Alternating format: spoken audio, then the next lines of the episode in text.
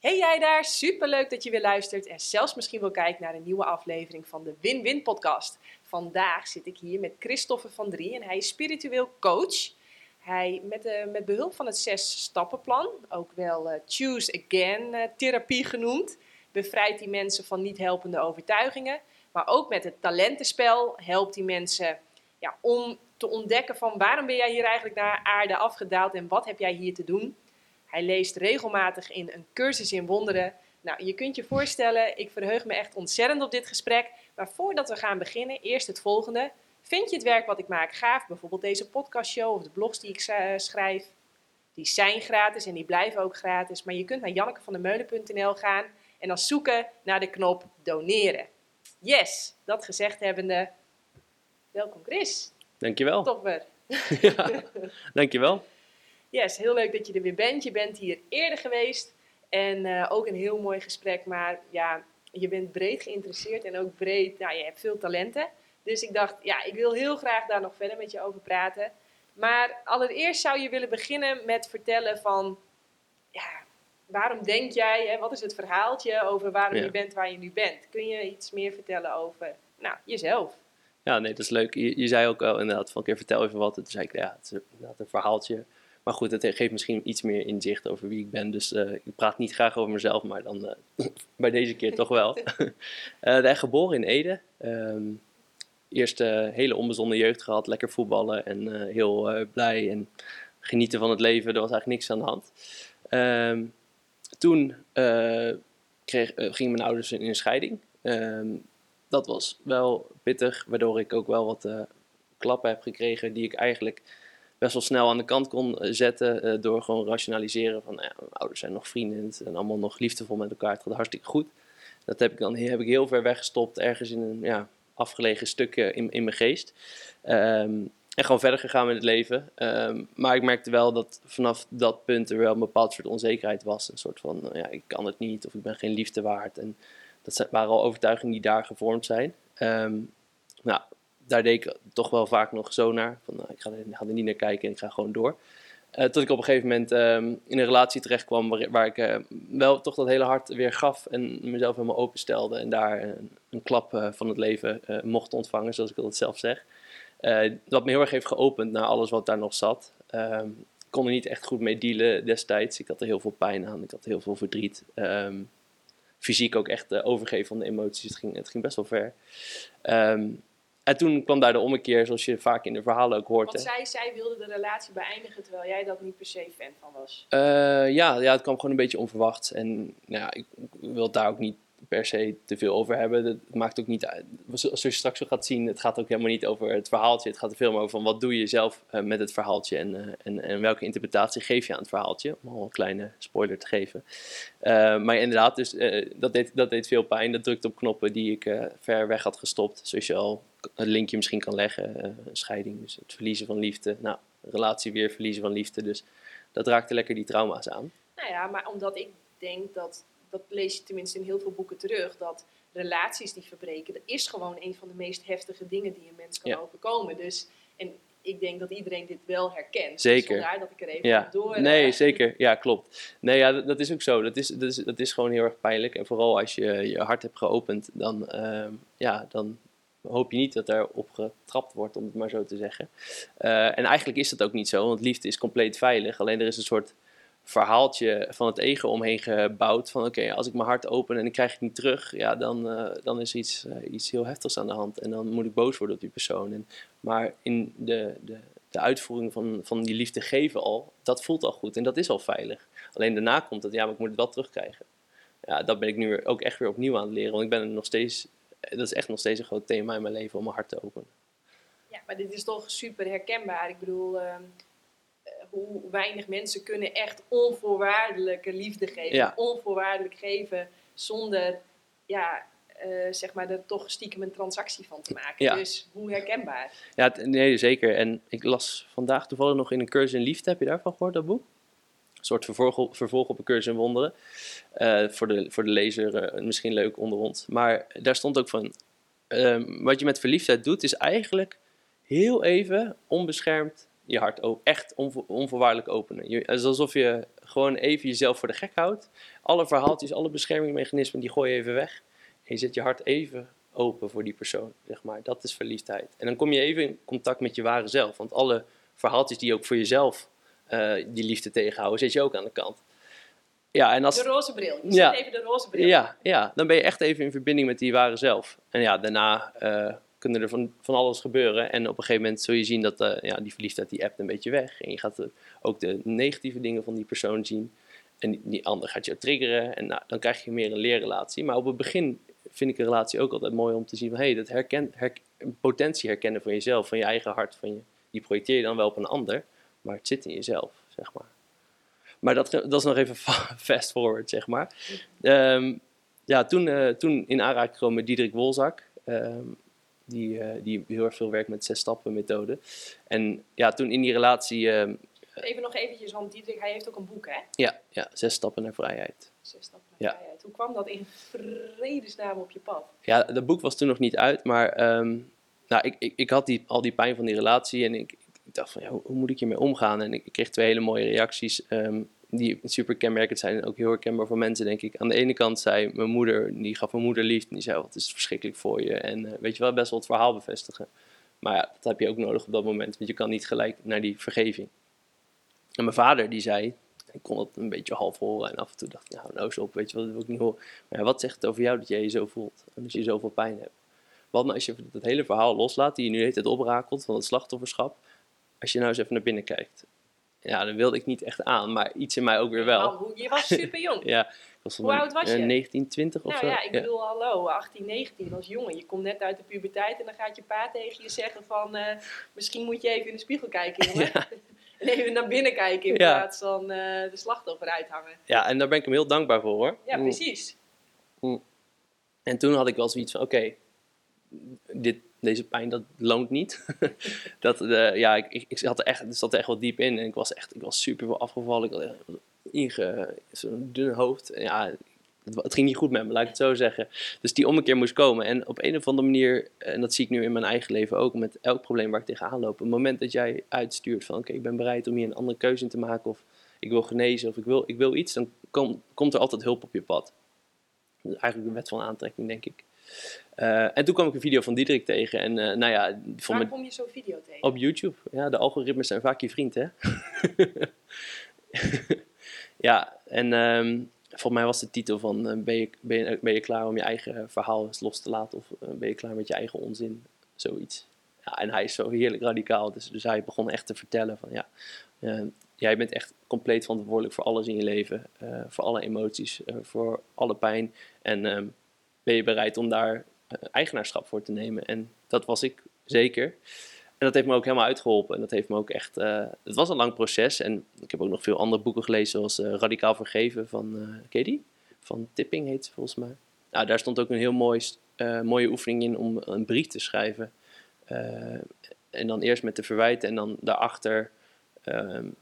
wat je liever had gehad, volgens mij een beetje ook wat zoiets als Willem, uh, als, uh, Willem als coach methodiek heeft. Ik heb die brief ook geschreven, dus het was een heel proces. En niet gestuurd natuurlijk, dat doe je voor jezelf en daarna verbrand je mooi.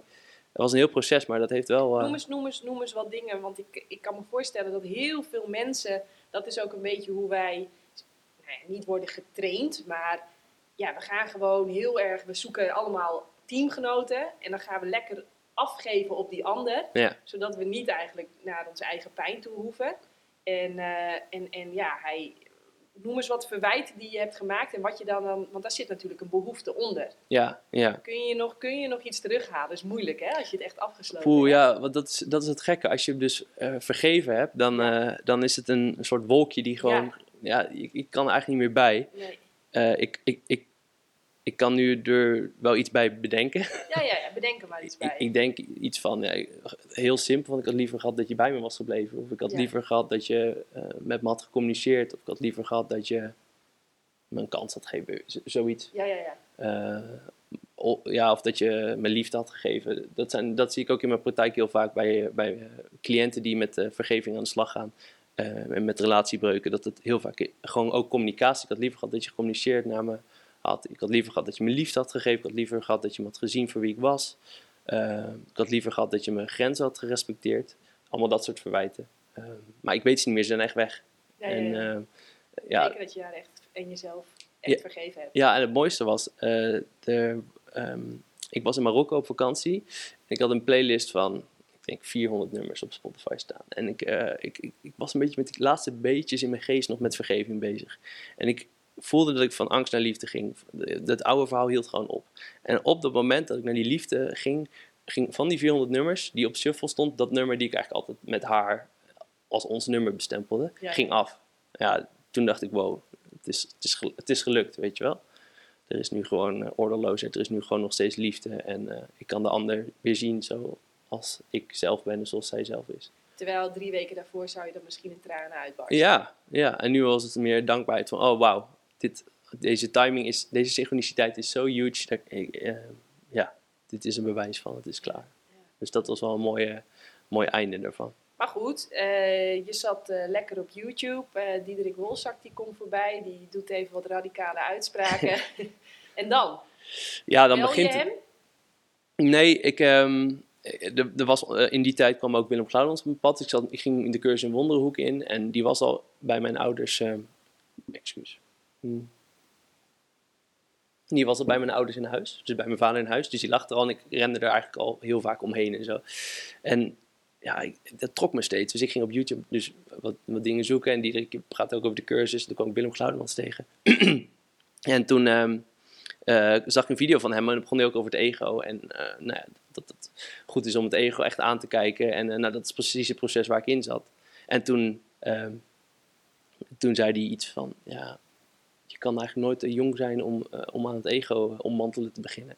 Oh wauw, dat vind ik ook een uitspraak. Ja, Oh, dat vind ik, we mogen daar heel even op inzoomen. Ja. Want ehm, er is ook een hele stroming, misschien wel vanuit Carl Jung, die zegt nee, dat, dat ego, dat heb je juist nodig, zeg maar, om te bouwen, te bouwen, te bouwen, te bouwen, te bouwen, te bouwen. Hè, de reis Ja, van de held. ja. En totdat die eigenlijk destructief wordt voor zichzelf, voor je eigen gezondheid, voor je eigen relaties. En dan, dat wordt pas het punt ja. dat je het Ehm. ego gaat eigenlijk doorzien. En dan, ja, Nee, ik moet, ik moet iets, eh, hij, was iets anders. Wat hij zei is, eh, het is heel goed om het ego te laten uitrazen. Dus eerst laten uitrazen, eigenlijk, dus wat jij zegt. Dus feesten, eh, drugs, vrouwen, seks, geld, prestige, status. Ehm, maar als hij je tegen de borst gaat stuiten, dat is wat jij zegt dus eigenlijk, dan nou, ben je er gewoon klaar voor, hoe oud je ook bent. Zo bedoelde hij. Ah, mooi. En het kan dus zijn eh, dat wij gewoon beide op al relatief jonge leeftijd hadden van oké, hij dient me Ja. niet meer, hij zit me nu keihard in de weg. Ja, ja. Ah, En inderdaad, als, eh, als je niet in de weg zit en je hebt ook geen problemen in je leven ervan, ja, waarom zou je er dan iets aan veranderen als je leven gewoon prima is? Voor mij was hij niet prima, want het zat me gewoon flink in de weg. Ik, ik was gewoon helemaal eraf. nou ja, en prima is misschien wel de grootste vijand van, van Dat- eh, dat- ja. Ja, maar ja, je, daar, daar kun je niet doorheen zien als je in prima zit. Want Nee. prima is prima. Ja. Dus soms dan tikt het leven je dan even goed aan eh, als je er klaar voor bent. En het hoeft ook niet op die manier te gebeuren. Er zijn ook mensen die gewoon vanuit liefde, die het ego gewoon, die steeds meer vanuit liefde willen gaan leven en dan zien, hé, hey, wat ben ik mezelf aan het beperken? Kan ook. Ja, mooi. Oké, dus eh Diederik Wolzak. Ja. Nou, we zijn nog bij hem. Je ging hem bellen, mailen, dat weet Ja, ik nee, niet. ik ging dus, nee, dus ik zag Willem op YouTube, dus ik ging Willem een mailtje sturen en toen zei ik van, joh, ja, je hebt het over het ego, maar kan je daar te jong voor zijn? Want ja, ik was 19 of zo. Toen zei hij, nou, ik vind een hele interessante vraag, kom maar eens een keer langs. Dus eh, nou, toen ben ik bij hem langs gegaan en toen hadden we een, eh, anderhalf uur een sessie met elkaar. En toen hadden het over Ramana, Maharshi, non-dualiteit, verlichting, eh, de cursus in wonderen, heilige geest, alles. En ja, dat, dat, dat brak iets in mij open, waardoor ik echt nog steeds, nog steeds, steeds meer, steeds meer, steeds meer cursussen en wonderen, steeds meer wilde weten. Dus ik ben daar, ik ben vrienden met Willem geworden. Ik ben, ook in een groep gekomen waarin we eh, elke eh, maand elkaars ja, ego onder de loep gingen nemen. Dus we, zaten, we zitten aan de tafel, aan tafel met z'n allen en dan is het gewoon verhalen delen eh, waar je in gelooft. En, en dan helpen door, doorzien, zeg maar. En ja, dat gaat al jaren zo door. En het is een hele hechte groep geworden met mooie, diepe sessies. Dus dat was eigenlijk... Diederik was op YouTube mijn eerste leraar, maar Willem was mijn eerste fysieke leraar in die zin. En toen kwam, eh, kwam Diederik inderdaad wat, wat later, want ehm, toen eh, was mijn tweede uitdaging in het leven, want toen kreeg ik een burn-out. En eh, Burn-out. ja, ook nog eventjes, ja. Hoe oud was je toen? Ja, ik, ik, ik noem het een burn-out. Ik heb het nooit laten testen, maar zo, ik was, zo voelde ik me wel. Ik kon echt niks meer. ik was toen eh 22, 21, 22 of zo, dus niet, niet heel veel later. En ehm, nu achteraf weet ik waarom, het, waarom, waarom dat was. Want ik, ik ging nog het, het pad in van... ehm, ik moet heel veel geld verdienen. Ik moet heel hard werken om waarde te hebben.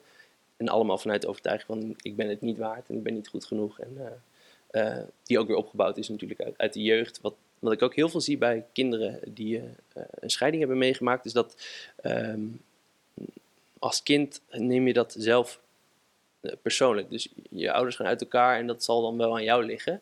En daar komt een heel diep onwaardigheidsgevoel vandaan. En ehm, dat zie ik bij mezelf ook, die onwaardigheid. En dat is nog steeds een, iets waar ik mee eh, struggle af en toe.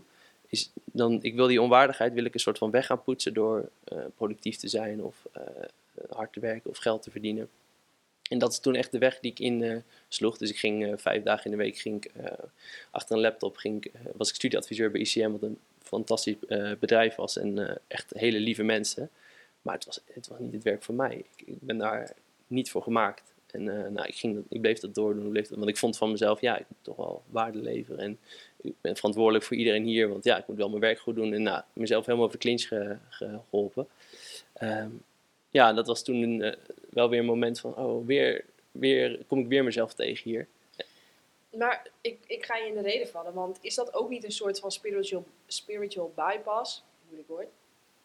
Om maar eh, een soort van, volgens mij is het namelijk ook, eh, wil je ziel hier heel graag avontuur, Mhm. groei. Die wil graag waarde creëren. Ja. Die wil graag bouwen. Die wil graag het spel spelen. Dus het, in jouw verhaal klinkt ook een beetje door van. Ja, dat, dat, is, dat, dat zeg ik misschien niet helemaal goed. Maar je mag toch heel hard werken. En je mag Oh ja, toch, ja, ja, ja. eh, keihard bouwen, creëren, wedstrijden Zeker, 100%. starten. Ja, maar Ja. Dat, wel voor de juiste dingen. Ja, oké, dus als dat in jouw boek staat, op, in- echt vanuit passie, plezier, enthousiasme komt, hè, dus het goddelijke het stroomt er doorheen, Ja. ga, ga als een gek over. Ja. Maar als het komt vanuit angst, want anders ben ik niet goed genoeg, want anders ben ik niks waard, ja, Ja. dan ga je dat fysiek natuurlijk ook wel merken. Ja, dat, eh, dat, dat heb ik eh, meegemaakt. Ja, dat, dat is precies wat het was. Het was niet vanuit mijn ziel, het was niet de juiste intentie. Het was gewoon ja, een soort van waarde verdienen. Ja, En dat was niet eh, behulpzaam. nee. nee. Dus toen ehm, ging ik, ja, ja, ik heb een beetje last van mijn keel, ik weet niet wat het is, maar goed, we gaan er gewoon, eh, we gaan er gewoon mee eh, Ja. door. Ehm, toen ben ik naar eh, Costa Rica gegaan, want ik dacht, ja, ik, eh, deze overtuiging die zit me zo in de weg en die burn-out zit me zo in de weg, ik moet echt even weg uit mijn bestaande leven. En eh, toen zag ik dat eh Diederik een uh, retraitecentrum in Costa Rica had. Toen dacht ik, ja, dit is fantastisch, het is in de natuur, het is even echt heel ver weg, ook fysiek ver weg, dat je een afstandje kan kijken. En ehm, ja, toen heb ik daar negen weken lang eh, de zes stappen methode gedaan. Dus dat was wel echt eh, tof. Dat was echt fantastisch en heel intens. En vertel, want die, die, die, die choose again, die zes stappen. Ik heb het idee dat wij, eh, ik weet niet hoe lang wij elkaar nu kennen, maar we hebben dat ook geïntegreerd bij de win-win methode. Eh, maar ik heb het idee, dat heeft natuurlijk ook met self-fulfilling prophecy te maken, maar dat veel meer mensen en dat steeds vaker het voorbij komt. En dat ja, nee, dat heb ik ook. Dat Oh, heb ik ook. Ja, ja, het is net alsof de, meer mensen het gaan Ja, gebruiken en toelaten. momentum, Ja, eh, ja, ja, ja. Ja. Ik zie ineens allemaal mensen over zijn boek. En eh, wat Klopt. natuurlijk alleen maar super mooi is. Maar vertel eens over zijn boek en over die zes stappen. Echt vanaf het begin. We willen alles weten. Ja, nou ja, ehm, kijk, eh, misschien leuk om een klein beetje ook over Diederik te weten. Want Diederik is een mooi voorbeeld van hoe, hoe de methode ook echt ontstaan is uit eigen ervaring. Hij, ehm, ja, hij was de eerste 15 jaar van zijn leven was diep ongelukkig. Eh, hij haatte zichzelf, zoals hij zelf ook zei. En ehm, dat kwam omdat hij in zijn jeugd had in een jappenkamp gezeten. En ja, daar heeft hij gruwelijke dingen gezien. En ja, gewoon heel veel negatieve overtuigingen opgebouwd over zichzelf. En eh, eh, het is wel grappig, ik hoorde toevallig vorige week in een interview dat hij zei van ja, iedereen die ik tegenkwam, die, ehm, ja, die, ik had binnen een minuut ruzie met ze. Hij trok dat gewoon aan, omdat hij zo slecht over zichzelf dacht. Nou, toen eh, is hij tot zijn vijftigste of zo, eh, is hij daar mee doorgegaan met die zelfhaat, tot hij op een punt kwam dat hij dacht van ja, ik ga of nu met mijn auto van een klif rijden, of er moet een andere manier zijn, die moet dan nu wel komen. En toen kwam hij cursus in wonderen tegen. En daar, eh, heeft hij, dus hele, heeft hij een hele methodiek uitgedestilleerd om ehm, zijn overtuiging te transformeren. Sorry dat ik je weer in Ja, de nee, mag. reden val, maar dit is namelijk een puntje wat ik op heb geschreven. Dat is als je, oh, ja, dat als je, even kijken. Ehm, oh, ik heb heel veel opgeschreven. Maar ik, ik ga hem even uit mijn hoofd doen. Dat, en ik doe dat ook non-stop, hè, als zeg maar de wanhoop nabij is. Ja. Als, dat, dat, om echt om hulp te vragen. ja. En wat ik dus grappig vond, ik had letterlijk nog in de podcast van Arie Boomsma om, hoop, om hulp gevraagd. Ik vraag daar letterlijk in die podcast, Arie, help me met het vinden van mooiere woorden. Ik kan het alleen maar zo grof en zo Ja, ja, ja. plat, kan ik het alleen maar zeggen. Help me. En hij zegt, nee Janneke, blijf zoals je bent. Maar ik had die vraag al eerder gesteld, want ik voel wel van dat ik zo graag daar mooiere woorden voor wilde. En echt letterlijk nog geen week later zit ik in een training. En ik sta op het punt om weg te gaan, maar iets zegt mij, blijf nog even zitten. En pats, antwoord op die vraag. En ook helemaal uitgelegd hoe dat zit. Ja. Dat, eh, zij legde dat uit, eh Mirjam Steur is dat, aan de hand van de innerlijke familie. En dat je als het ware een jongetje, een meisje, een man en een vrouw in jezelf Ja. hebt zitten. En ehm, dat de man, die staat altijd voor het meisje. En dat die man, ja, die, hè, zoals een man kan zijn, die kan bot zijn, die kan hard zijn.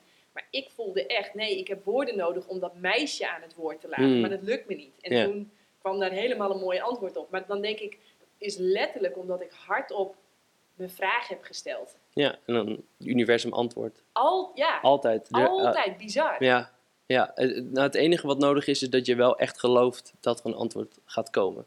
Oh, dus, Maar dat geloof ik dus blijkbaar. Ja, dat geloof je, zeker. Maar ehm, als je, dat al als je dat gewoon heb lu- meegemaakt. zo lukraakt eh zegt en je gelooft het eigenlijk niet, dus je zegt het maar, maar je- dan, dan ben je ook niet ontvankelijk voor het antwoord. Oké, Eh, maar als je, als je echt van, oké, ik geef het nu zelf uit handen, ik, eh, ik ga het niet zelf proberen te fixen. Dat zegt de cursus ook heel mooi van, geef je probleem aan de Heilige Geest. En het antwoord zal je gegeven worden. En dat is bij Diederik ook gebeurd. die, kreeg, die kwam de cursus een wonder gewoon tegen en dat was eh, voor hem raak. Zou je eigenlijk wel meer plantaardig willen eten, maar heb je geen idee hoe je dat op een gezonde, verantwoorde manier voor jezelf en je gezin doet? Lees dan het boek De Eiwitleugen. Mijn naam is Janneke van der Meulen en in 2018 en 2022 werd ik wereldkampioen kustroeien. In 2021 werd ik na een energieke zwangerschap en soepele bevalling moeder van onze dochter. Alles op een dieet van fruit en planten.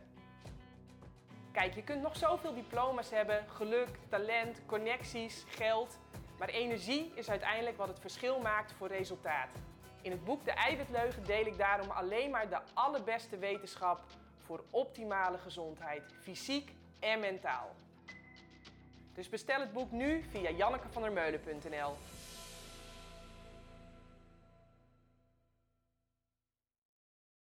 Jij bent op dat moment een jaar of 22. Ja. Je gaat negen weken Ja. naar Costa Rica. Ja. ja, ik vond het ook wel achteraf best wel stoer, maar Maar ben je er ook naartoe gegaan met de intentie om daar negen weken te zijn? Of had je twee weken en toen dacht je nee, ik moet nog twee weken, ik moet nog twee weken. Hoe gaat zoiets? moet ik me goed terughalen. Maar volgens mij was het zo dat je, je kon daar als intern kon je dus blijven. Dus dan hoefde je niet het hele, want het was best wel duur om daar gewoon als resident te zijn. Ehm, dus Duur, duur, wat, waar moet ik aan denken? eh, ja, ik, volgens mij was het voor twee weken was het al 2500 of zo. Kon ik niet betalen. En toen had ik een eh, berichtje gestuurd naar eh, de, de mensen daar, zeg maar. ja. Mm. Van ja, ik wil echt heel graag het werk doen. Maar ja, ik kan het ook echt niet betalen. Dus toen hebben we een heel gesprek gehad. En ehm, nou, gewoon gekeken van wat wel kon. En toen zeiden ze van ja, je kan twee weken komen. En dan testen we of je als intern kan blijven, zeg maar. Dus dan ga je ook meer taken doen eh, daar. En ook gewoon wat meer meehelpen. Ehm, en dan eh, kun je langer blijven. En toen ehm, had ik wel zelf eh, ingezet op zeven weken. Van na, nee, op negen weken. En op die, na die negen weken kwam mijn vader en kwam mijn zusje. Alleen het was wel zo dat eh, voordat ik wegging, toen zei Diederik tegen mij. Oh, is dat de mic? Eh, ja. Zei Diederik tegen mij. ehm, ja, het zou, het zou ook goed zijn als je, nog, als je nog twee maanden langer blijft. Als je gewoon nog, als je nog dieper gaat. En ergens wil ik dat wel, maar ik had toen ook een, eh, nog steeds een vriendin. En ik was er ook wel een beetje klaar mee. Maar iets in mij was ook wel zoiets van. Oh, ik zou ook wel benieuwd zijn hoe het zou zijn geweest als ik er nog twee maanden langer was gebleven. Want het is daar gewoon echt een hele andere sfeer. Gewoon, je, je staat om zeven uur op. Ehm, je doet yoga, je doet meditatie. ehm, je, je gaat daar zitten en je kijkt of een prachtig meer. Er zitten apen eh, om je heen. Je zit in het regenwoud. Het is echt prachtig. Ehm, maar het is ook intensief. Want je bent gewoon eh, uren per dag bezig om overtuigingen te tackelen eigenlijk. Ja. Dat is wat je aan het doen bent. Oké, nou ja, je snapt, wij zitten op het puntje van onze stoel. De, het zes stappen plan, choose again, om je overtuigingen te transformeren. Wat leerde je daar? Ja, ehm, we, we kunnen ook de demonstratie doen gelijk. Wat Ja. vind je daarvan? Zullen we dat doen? Prima. We hadden het erover gehad dat jij het wel wilde laten zien aan mensen, omdat het proces dan nog meer gaat leven natuurlijk. En dan doen we ze gewoon stap voor stap in de demonstratie, nemen ze mee voor de, voor de video.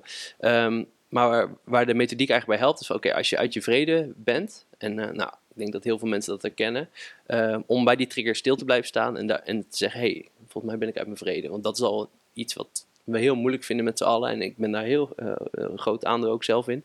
Ga ik, op mijn, ga ik op mijn telefoon of ga ik even iets anders doen? Ga ik mezelf afleiden? Ehm, even Dus Netflixen. uit je vrede betekent dat je, je voelt geen plezier meer, je voelt geen passie meer, je voelt geen liefde meer. Ja. Eh, je bent geïrriteerd, je bent boos, je bent afgehaakt, je bent... eh, Ja, ja, het- Je zit op een lage trilling. ja, je zit op een lage trilling. Dus eigenlijk je, wanneer je normale staat van zijn gewoon vredig is, ja, dan voel je als je eruit gaat, zeg maar. En dat moment, om dan even stil te staan en niet door te rennen of te gaan werken of een appje of een, of een dingetje, maar gewoon, oké, hey, ik heb nu goud in handen, want er gebeurt hier iets, er wordt hier iets aangeraakt wat ervoor zorgt dat ik uit mijn normale trilling ga. Ja. Ehm, nou, dat is stap 1. Dus die kunnen we doen. Heb jij bijvoorbeeld eh, nu iets wat we kunnen gebruiken eh, wanneer je onlangs uit je vrede bent ge- gegaan en door iets?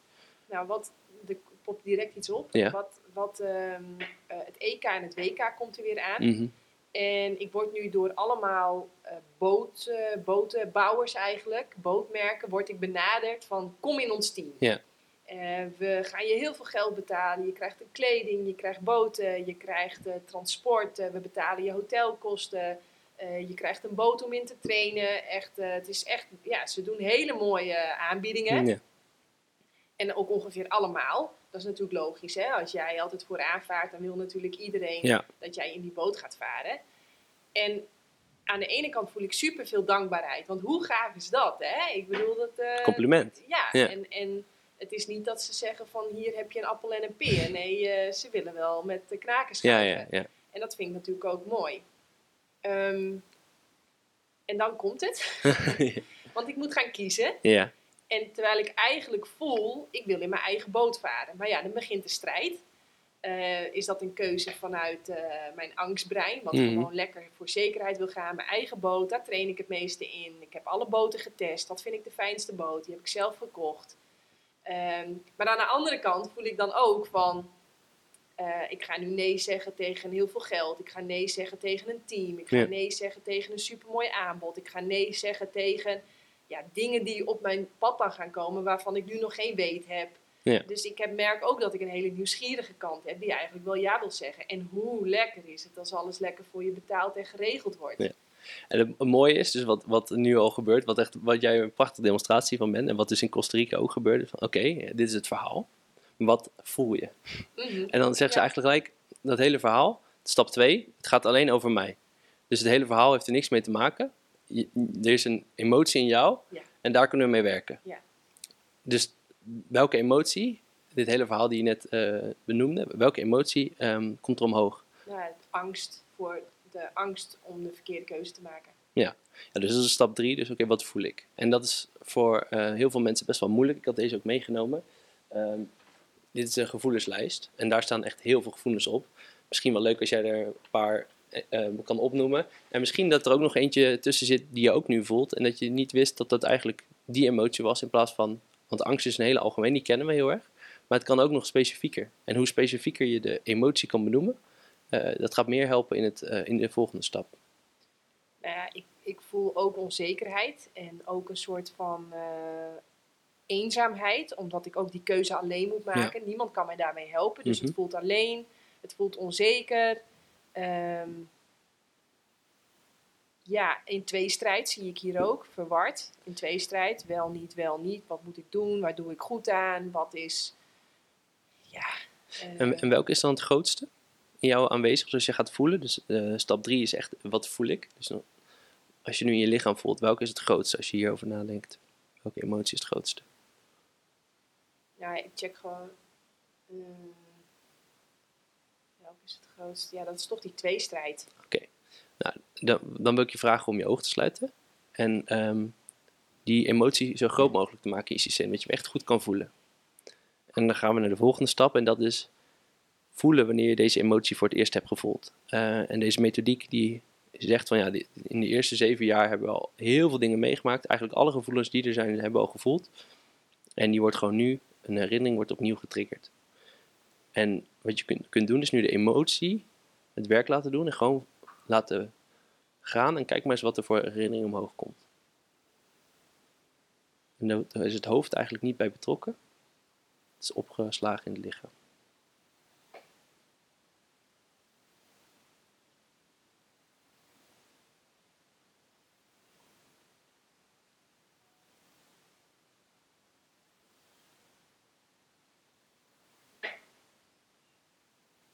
Nou ja, dat is weer een verhaaltje, maar ik heb... Ja, maar dat is juist goed. Dat is juist goed. Oh, oké. Ik heb eerder voor zo'n keuze gestaan. Het is wel goed ook om je ogen te gesloten te houden, om Oh. echt in die herinnering te Oh, stappen. Want dat, dat is goed om echt die persoon te zijn. Dus wat zie je?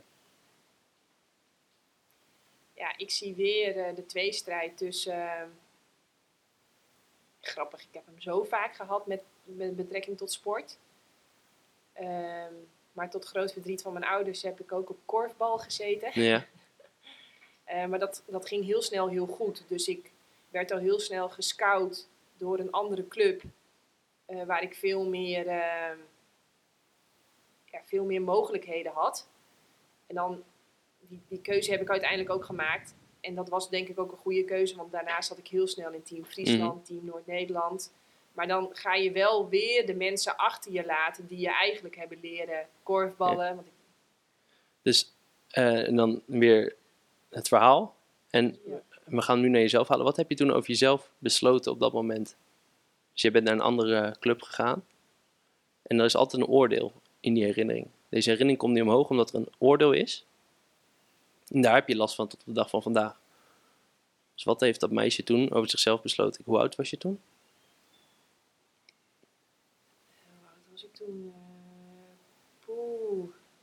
Eh, Poeh, 12? 12. Ja, dus op 12 jaar geleefd. Wat heb je toen over jezelf besloten? Dus je ging naar een andere club. Je zei ik heb andere mensen achtergelaten. Wat zegt dat over jou? Nou, en, en dat je een spoor van vernieling achterlaat. Mhm. En hoe noem je iemand die een spoor van vernieling achterlaat? Egoïst. Ik ben een egoïst. Oké. Kijk, dat is dan de overtuiging die, die je nu heel mooi eh, heb, omhoog hebt gehaald. Dan wil ik je vragen om in een helikopterview naar die situatie te kijken. En vanuit je liefdevolle zelf, of vanuit je hart, of vanuit je hogere zelf, te kijken naar de situatie. En dan is de vraag, is dit waar? Zie ik je een egoïst? Nee, ik, heb gewoon, ik zie een, een hartstikke enthousiast meisje wat, eh, ja, wat voor het avontuur kiest. Ja, onschuldig. Is sowieso onschuldig, Ja. ja. En ehm, wat had ze op dat moment nodig? Ehm, nou, eh, aanmoediging en ehm, eh, support, Kun je, haar, steun. kun je haar dat nu geven? Alsnog, met terugwerkende kracht? Ja, heb je goed gedaan. Je hebt die stap maar gewoon genomen. Hoe voelt dat om dat te doen? Ja, goed. Heel mooi, ja. Dan mag je op je eigen moment, tijd weer terugkomen.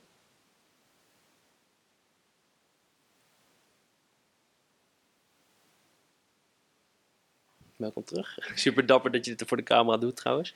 Ehm, maar wat je zo mooi hebt gedemonstreerd is dat je, je hebt nu een overtuiging, ik ben egoïst. Die, dat is toen de interpretatie geweest van dat moment. Ja. Het is een interpretatie, het is een oordeel op dat moment, het is niet de waarheid. Als je ziet, als je er nu naar kijkt, is er een hele andere waarheid die hier omhoog komt. En wat we nu gaan doen is nog, dat is de laatste stap en dat is de vergeving van deze overtuiging. En Vergeving is altijd sowieso de laatste stap, ja, toch? altijd, altijd. altijd. Ja, ja. Welke, welke, welke, welke therapievorm je ook volgt, volgens mij is de kers op de taart. Dan kun je echt iets afronden als er vergeving Ja. komt voor jezelf en de ander. Ja, en dat is ook leuk dat je zegt voor jezelf en de ander. Eh, In deze stap, dat doen we echt samen. Dus ehm, de cursus en wonderen leert ons, we zijn met onze denkgeesten één. Dus we zijn gewoon verbonden. Dus we hebben ook allemaal dezelfde overtuiging. Dus jij hebt, ik ben een egoïst, maar ik heb ook, ik ben een egoïst. En we gaan nu elkaar in de ogen kijken en we spiegelen de onschuld, dus de, de waarheid. Eh, en dat doen we met de volgende zin, het volgende zinnetje, en dat is vergeef mij voor het geloven van de waanzinnige overtuiging dat ik een egoïst ben. Dus die zeg jij dan? Vergeef mij voor de waanzinnige overtuiging dat ik heb geloofd dat ik een egoïst ben. Ja. En dan zeg ik, nou, het is een verhaal. Je hebt dat toen als meisje verzonnen, maar de waarheid over jou is dat je liefde bent. En niets anders. En daar kunnen we nu samen voor kiezen. Daar kunnen we met terugwerkende kracht voor kiezen. Daarin ligt ook je macht. En nu doe ik hem. Dus vergeef mij voor het geloof van de waanzinnige overtuiging dat ik een egoïst ben. Ja, nou, dat lijkt me een goed idee. je bent liefde en per definitie onschuld. Eh, je mag voor avontuur kiezen, zo vaak en zoveel je wil. En eh, ja, ik ben blij eh, dat we dat nu achter ons kunnen laten. Ja, het is heel fijn om dat achter je te laten. Ja. En dan de laatste zin van de vergeving is: vergeef mij voor het vergeten van de waarheid over mezelf. Vergeef mij voor het vergeten van de waarheid over mezelf, dat ik onschuld ben. Absoluut, dat is waar. En dat is het enige wat waar is en dat voelt ook waar. Ja. Kijk, die emoties die laten ons alleen maar zien dat we iets geloven wat niet waar is. Want op het moment dat we weer terug in de waarheid komen, voelt het lekker.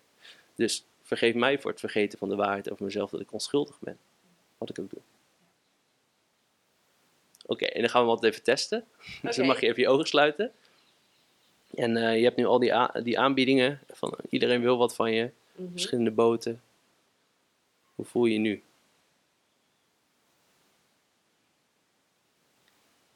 Nou, sowieso bevoorrecht dat je überhaupt aanbiedingen krijgt. Mhm. Eh, ik merk wel dat ik graag met iemand zou willen sparren over wat is nu wijsheid. Ja, maar dat is een liefdevolle keuze. Maar het voelt niet meer als een aanval op jezelf. Nee. Eh, hoe is het met de tweestrijd? Ehm, de tweestrijd is. De tweestrijd is dat iets in mij wil voor dat onbekende gaan en dat Mhm. avontuur. Ehm, en iets in mij zegt ook, je weet gewoon dat je zelf de beste boot hebt, want dat is, daarom heb je die boot gekocht. Eh, dus die twee, hij is er nog een beetje. Oké, en dan, dat, wat we dan doen is, dan gaan we door. Oké, Want als er nog een emotie zit, dan zit er ook nog een overtuiging. Dus je zegt, er is nog tweestrijd. Dus, dus die emotie, tweestrijd is er nog. ja, Het dus gewoon onzekerheid over maak ik de juiste keuze. Ja. Oké, dus dan gaan we met die onzekerheid verder. En het kan zijn dat het een hele andere herinnering is. Mm, Dus, oké, maak de onzekerheid maar groot. Alsof je een lampknopje verder zet. En kijk maar wanneer je voor het eerst deze onzekerheid hebt gevoeld. En volg die. Kijk wat voor herinnering er omhoog wil komen.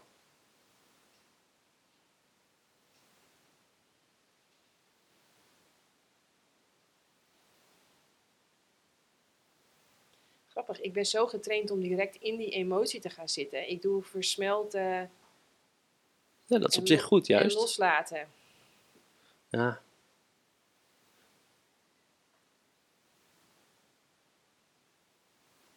Ja, kijk maar of je het toch nog even kan. Ik probeer hem groot te maken van ik weet het niet, ik weet het niet. Wat moet ik doen, wat moet ik doen? Shit, maak ik wel de juiste keuze?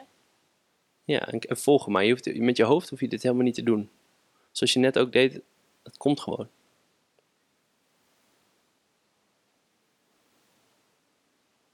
En soms is het een herinnering dat je denkt, wat moet ik hiermee? Maar dan blijkt later dat het toch wel logisch is dat die kwam.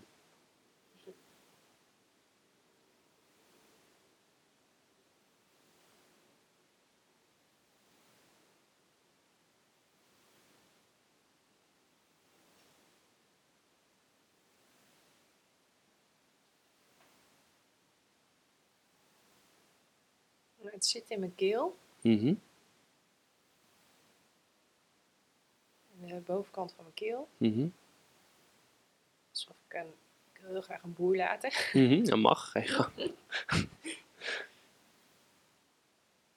Zo voelt het in ieder geval, Ja. zo'n drukkend gevoel. Mhm. Is het een bekend gevoel? Ik wil heel graag Ik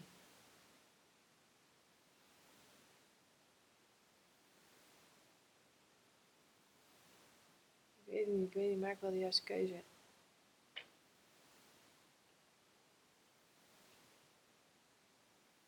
Grappig, of ik blok hem. Mhm. Of? Ja, dat heb ik wel vaker. Dan ga ik gewoon helemaal in die emoties zitten. Dan wordt het ook stil in mijn hoofd. Mm. Dus ik ben benieuwd wat mijn onderbewuste Nou, op zich, gaat is, aanreiken. op zich is het ook goed dat als. Er zijn heel veel mensen, waaronder ik zelf, die eh, vaak geen herinnering krijgen. En dan is er ook een shortcut voor dit proces. Ah. En die shortcut is van: oké, wat moet ik over mezelf geloven dat ik me nu zo voel? Ja. Wat moet ik over mijn ogen open of dicht? Eh, nou, als je beter kan concentreren met je ogen dicht, maar open mag ook als je zelf wil. Wat moet ik over mezelf? Angst voor het maken van de verkeerde keuze. Eh, bang voor het oordeel van een ander, dat ik er niet bij hoor, dat ik Mhm. dan straks gezelligheid en verbinding misloop. Mhm. En wat zegt dan over jou als je dat misloopt? Mm, Wat ben je dan? Een Einzelganger. Mhm. Dus ik ben alleen. Ik ben alleen. Ja. Is dat hem? Resoneert die Ja. met de emotie? Oké, dus dit is dan de shortcut. Als er geen herinnering komt, kun je altijd deze vraag stellen. ja. En dan doen we gewoon weer de vergeving met ik ben alleen. Oh ja, ik ben alleen. Ja. Oké. Ja, ik ben alleen. eh, dan, ja, dan lig ik er buiten. Ja. Dan hoor ik er niet Ja, bij. ja, ja. En dan zitten straks alle leuke mensen zitten dan wel in dat team. Hm. En dan, eh, ja, dan kies ik ervoor om, om het toch weer alleen op mijn manier. Ja. Ja, ja, als deze overtuiging intact is, dan wordt die keuze heel moeilijk. Ja. Terwijl je hart waarschijnlijk wel weet dat het de juiste keuze is. Ja, dat zou kunnen, ja. Ja, maar daar kunnen we alleen achterkomen als we deze overtuiging loslaten ja, samen. mooi. Dus Ja, leuk. oké, dus dan vergeef me voor de waanzinnige overtuiging dat ik ben gaan geloven dat ik alleen ben. Mag je dan zeggen? Vergeef me voor de waanzinnige overtuiging dat ik ben gaan geloven dat ik alleen ben. Ja, hij is toch hilarisch. Het is een verhaal. En ehm, ja, je bent in verbinding. Je bent altijd in verbinding met jezelf. Je hebt altijd je hogere zelf. En ja, alleen, je kan niet eens aanwijzen. Dus je bent altijd in relatie tot iets ook. Ja. Je bent nooit alleen. Nee. Vergeef mij voor het geloof van de waanzinnige overtuiging dat ik alleen ben. Ja, hij is wel grappig om te zeggen. maar ik vergeef je, je bent niet alleen. Eh, we zijn één. We zijn, ja. En we lijken ook allemaal zo op elkaar. We hebben allemaal dezelfde We overtuiging. hebben allemaal dezelfde overtuigingen, dezelfde gevoelens, dezelfde struggles. Eh, je bent niet alleen. Je bent, eh, ja, we, we zijn met z'n allen. En je mag hulp vragen, zoals, je al heel vaak, eh, als, zoals ik je al heel vaak heb zien doen ook. Mhm. Dus, Mooi. Oké, en dan vergeef me voor het vergeten van de waarheid over mezelf. En dan doe ik wel de eerste keer de waarheid over mezelf, dat ik altijd verbonden ben met iedereen. Het kan soms zijn dat ik het niet zie, omdat ik er een gedachte tussen plaats. Maar dat betekent niet dat de verbinding weg is. De zon schijnt nog steeds als een wolken voor zit. oh ja. Ehm, ik vergeef je. Wat is nu mijn... eh, Vergeef me voor het eh, Oh, vergeef vergeten van de waarheid over mezelf. vergeef me voor het vergeten van de waarheid over mezelf. eh, dat ik altijd verbonden ben. Ja, En, en dat, dat ik is waar. vragen. Absoluut, altijd. Ja. Oké, en nu? Nu. Als je nu nadenkt over de keuze. Wel grappig. Ik zie nu wel direct mezelf veel vrolijker. Mhm, En toch ook direct in verbinding met de anderen. mhm. Ook al roei ik in mijn eigen boot. Nou, dat is het. Ja. Ja. Ja. Want verbinding gaat niet over vorm of lichamen of... De verbinding is altijd in de geest. ja. Dus nu zijn er geen emoties meer? Mm, een plezierige. Nou, die van- zijn goed. Ja. Ja. maar ik bedoel de negatieve Oh eigenlijk. ja, nee. Nou, jij hebt dus een prachtige demonstratie gegeven van eh, route 1, herinnering. Ja. Ehm, die route volgen. en route dankjewel. 2, geen herinnering. Dus super tof. Ehm, ja, en dus de test is van voel je vrede. Voel je vrede. Dan weet je dat het, de vergeving compleet is. Ik voel vrede. Ja, ik, ja. Ik, en, en misschien ervaar jij dat ook. Als je dat ook heel veel traint, kun je Mhm. daar ook makkelijk bij Zeker, komen. het kan veel sneller gaan. Ja, Maar als je hiermee begint, is het heel fijn om het eh, op deze manier te doen. En zo'n herinnering kan heel erg behulpzaam zijn om te begrijpen of linkjes te leggen. Of eh, soms Ja. is het wel heel fijn om toch nog één keer die herinnering te zien, maar het hoeft niet. Ja. Mm. Denk je dat de stappen zo helder zijn of, je of zullen we die nog Nee, één keer we moeten die doornemen? nog eventjes doornemen, ja. Ja. ja. En dan gaan we er gewoon over kletsen. Maar ik vind het altijd leuk om het eerst te demonstreren. En jij zei eh, daar ja op, dus Ja, daar ben ik heel blij mee. Ehm, ja, dus die eerste stap is van ik voel onvrede. Dus als jij met die... Even checken of de camera goed Ja, is. dat is goed.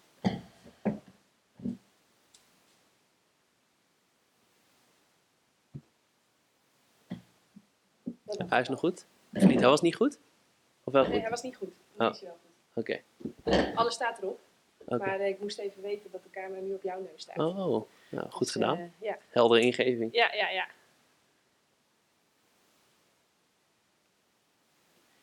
Stap 1. Ja, dus stap 1 is ik voel onvrede. Dus dat liet je net heel erg mooi zien. Oké, dus stap 1 kun je bij jezelf herkennen. eh, piekeren, gefrustreerd zijn, humeurig zijn, ja, eh, boos zijn.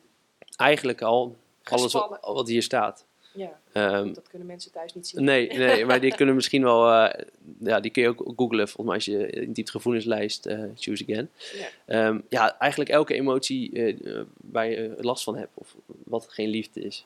Ja. Dus iedere mo- emotie die je eigenlijk... nou ja, boosheid kan je wel weer echt voortstuwen. Ja, alleen er zit wel ook een overtuiging onder, zeg maar. Dat, eh, dat zul je zien als je dat volgt, dan zit er ook een overtuiging onder. En eh, je kan ze wel omzetten, natuurlijk, maar boosheid laat wel zien dat er, dat er een overtuiging is over jezelf die niet positief is, anders was je niet boos geworden. Ja. Was je vredig en rustig gebleven en eh, had je ook hetzelfde werk kunnen verrichten. Ja. Ehm, dus dat is de eerste stap, onvrede en daar echt eerlijk in zijn, want zoals je net hebt laten zien, er zit echt goud in van oké, de overtuiging ik ben een egoïst, ik ben alleen, die wil je echt niet bij je dragen, zeg maar, in het beslissingsproces of je een boot gaat, eh, welke bo- of je je eigen boot gaat kiezen. Of, dus die wil, daar wil je vanaf. Ja. Ehm, want dan kan je weer helder kijken en dan kan je echt voelen, oké, volgens mij is mijn behoefte gewoon mijn eigen boot. en ik blijf in verbinding. Ja. Maar dat kan alleen als je dat pro- proces hebt gedaan. Dus dat Ja. is één. Ja. Twee, hier gaan alle ego's altijd helemaal op kapot. En eh, dat snap ik, heb ik ook. Eh, alles gaat altijd over mij. ja, Wat er ook gebeurt. mooi hè? Ja, dus het hele verhaal eromheen, al ben je in elkaar geslagen, al, ja, ik heb Diederik ook zelfs bij eh, misbruik, eh, en daar moet je altijd heel eh, rustig mee omgaan. En daar is eerst rouw voor nodig, en daar is eerst verwerking voor nodig, en daar is eerst acceptatie voor nodig en erkenning. Maar op een gegeven moment ehm, gaat het wel om jouw interpretatie van wat, wat je van dat hele verhaal hebt gemaakt. Wow, die Ja, is, die is heftig. Die is heel heftig. En ik heb het hem zien zeggen in Costa Rica tegen, tegen iemand die dat inbracht. Van ja, ja ehm, wil je eruit komen? Want als je eruit wil komen, dan moet het verhaal losgelaten worden. En de overtuiging die je over jezelf hebt, dat je vies bent, dat je slecht bent, dat het jouw schuld is. Dat zijn allemaal jouw interpretaties, dat zijn jouw gedachten. En het is je lichaam aangedaan, je bent niet je lichaam, zei die. Nou ja, oké. Ehm, ja, dan moet je spiritueel best ver, maar deze dame was dat wel. Eh, dus en hij voelt ook echt wel aan wanneer je dat wel of niet kan zeggen. Maar die interpretatie, ja, dat is natuurlijk waar. En ja, ik heb ook eh, een eh, Oh, sorry, dat was als laatste. Wat zeg je daar? interpretatie. Dus de interpretatie van het verhaal, dus, dus bijvoorbeeld een misbruik of het in elkaar slaan, Ja, die interpretatie kies je toch zelf. ja. Dus jij concludeert aan de hand van wat daar gebeurt iets over jezelf waar jij nog jarenlang last van hebt. Dat je Ja. slecht bent of dat je. Anders was het niet gebeurd. Dus Oké, maar als we even geleidende schaal gebruiken, dan is natuurlijk dat ongeveer het ergste wat je kan overkomen. Dat je eh, geslagen wordt of misbruikt wordt of verkracht. Wat, wat, ze kunnen we hem nog eventjes naar... eh, Ja, ehm, nou ja, eh, het zijn hele kleine dingen waar eigenlijk ook al trauma's kunnen ontstaan. Stel je bent eh, een kindje van vijf en je wordt om half drie door je ouders zou je worden opgehaald en ze zijn om kwart voor drie nog niet. Ja. Nou, ook al genoeg. Voor, Dat- een, voor een overtuiging. Dat is al genoeg Ik ben geen een liefde waard, anders waren ze wel op tijd. Oh ja. Ja, Dus het is ook altijd, het verhaal omheen ehm geeft je ook altijd een conclusie en bewijs voor je overtuiging. ja. Maar dan is stap 2 wel, je bent daar zelf voor verantwoordelijk. Je hebt zelf voor die gedachte gekozen. Ja. Ja, dus Ja. Je, bent, eh, je, je bent zelf eh, gaan interpreteren, zelfs al ben je vijf of ben je zes. Tuurlijk, op dat moment kan je niet anders. Nee. En daarom kan je dat werk ook niet op die leeftijd doen. Maar Nee. je kan nu wel met terugwerkende kracht je triggers onderzoeken. Dan weer terug naar het zesjarige meisje of jongetje. En daar de overtuiging eh, doorzien. Ja, precies. Dus dan nu, hè, stel je voor je bent eh, niet meer eh 5, maar 35, dan kun je zeggen, oh grappig, ja, mijn vader had gewoon een lekke band en daarom kon hij niet op tijd komen. Ja. That's all. Ja. Maar het heeft niks met mij te maken. 0,0. Ik ben nog steeds onschuld, ik ben nog steeds liefde, ik ben nog steeds, ja, ik mag stralen van geluk en gezondheid. Ja, Oké, ja. En, en oké, nu gaan we de geleidende schaal, we gaan naar ik ben verkracht. ja. Ehm, ja de- ook daar. ehm, dat is toch wel heftig. Dan, Ja. Wat, wat, nou ja, eh, het helpt denk ik ook om te zien dat. Om het het, slachtoffer in de daden te zien. Ja, en ook om het los, los te zien. Kijk, die persoon die doet het ook weer vanuit overtuigingen. Van ik ben slecht, ik ben ziekelijk, ik ben een monster. En als je, zolang die overtuigingen intact zijn, dan ga je, ga je, ga je daarna leven. Dan heb je eigenlijk geen vrije wil. Dus je gaat constant ehm, ja, be- bevestiging zoeken en bewijzen. En je gaat ook gedrag vertonen die eh, in lijn zijn met die overtuigingen. Ehm, nou ja, die persoon heeft dan waarschijnlijk die overtuiging ook weer in zijn jeugd opgelopen en gaat zo door. Maakt hem niet, maakt het gedrag, ik praat het gedrag totaal niet goed. Hè. Laat, Oh, dat is laat- wel even een goede, Ja, een goede toevoeging. laat, ik dat, laat ik dat erbij zeggen. Ik, dat, zeker niet. Eh, en eh, dat, is- dat is verschrikkelijk. Maar eh, wat je er achteraf mee doet, ehm, dus op deze manier naar kijken. En eigenlijk maakt, hoef je nog niet eens bezig te zijn met de dader, maar met zijn overtuiging, om dat soort dingen. Maar veel meer van, oké, wat heb jij ervan gemaakt voor jezelf waar je nu last van hebt? En het is, het is eigenlijk heel liefdevol om, eh, om dit tegen iemand te zeggen. Terwijl zo, dat moet je wel aanvoelen wanneer je dat kan doen. Maar Diederik zei altijd, eh, als ik vrienden heb en die praten mee met mijn verhalen of mijn overtuigingen en die in mijn slachtofferschap, dan zijn mijn vrienden niet. En toen dacht ik al, wow, radicaal weer, weet je wel. Maar ja, ehm, ja, je helpt iemand veel meer door te zeggen, ja, maar is er ook een andere manier om hier naar te kijken? Is het echt waar dat je slecht bent of dat je schuldig bent omdat dit is gebeurd? En ja, het ego gaat, eh, het is toch erger wat er is gebeurd en dat, dat schiet omhoog. Alleen ja, je helpt de ander. is Bij mij ook. Eh, Mijn vader die, het ook, die zei ook van ja, eh, kijk eens naar binnen. Nee, want de ander, ja. Nee. ja, ja. nee, ik ben het helemaal met je eens. Want anders zeg je ook nog van... eh, ehm, ja, jij bent schuldig. En, en ik ben net zo slecht eigenlijk. Ja. Ik ben ook schuldig. Ja. We zijn allemaal schuldig. En ja, dan ga je eigenlijk iedereen in de... Ja, je, je, bevestigt eigenlijk de zwakheid van de ander. Ja, Je, je, je ziet de ander, dus zelfs een, een, een slachtoffer die dit heeft meegemaakt. Als je, als je in het verhaal blijft, jij bent de slachtoffer, dan zie je niet de kracht van de ander, het licht van het ander. En ik heb een eh, meisje geïnterviewd op mijn podcast, Sonja Graansma, en die heeft dit ook meegemaakt. En die is het pad van vergeving opgegaan en die helpt nu heel veel mensen hiermee. Ja, en zij demonstreerde dat ook. Van, en ze heeft hem zelfs nog ontmoet. Ze heeft volgens mij nog een knuffel gegeven, dat weet ik niet zeker.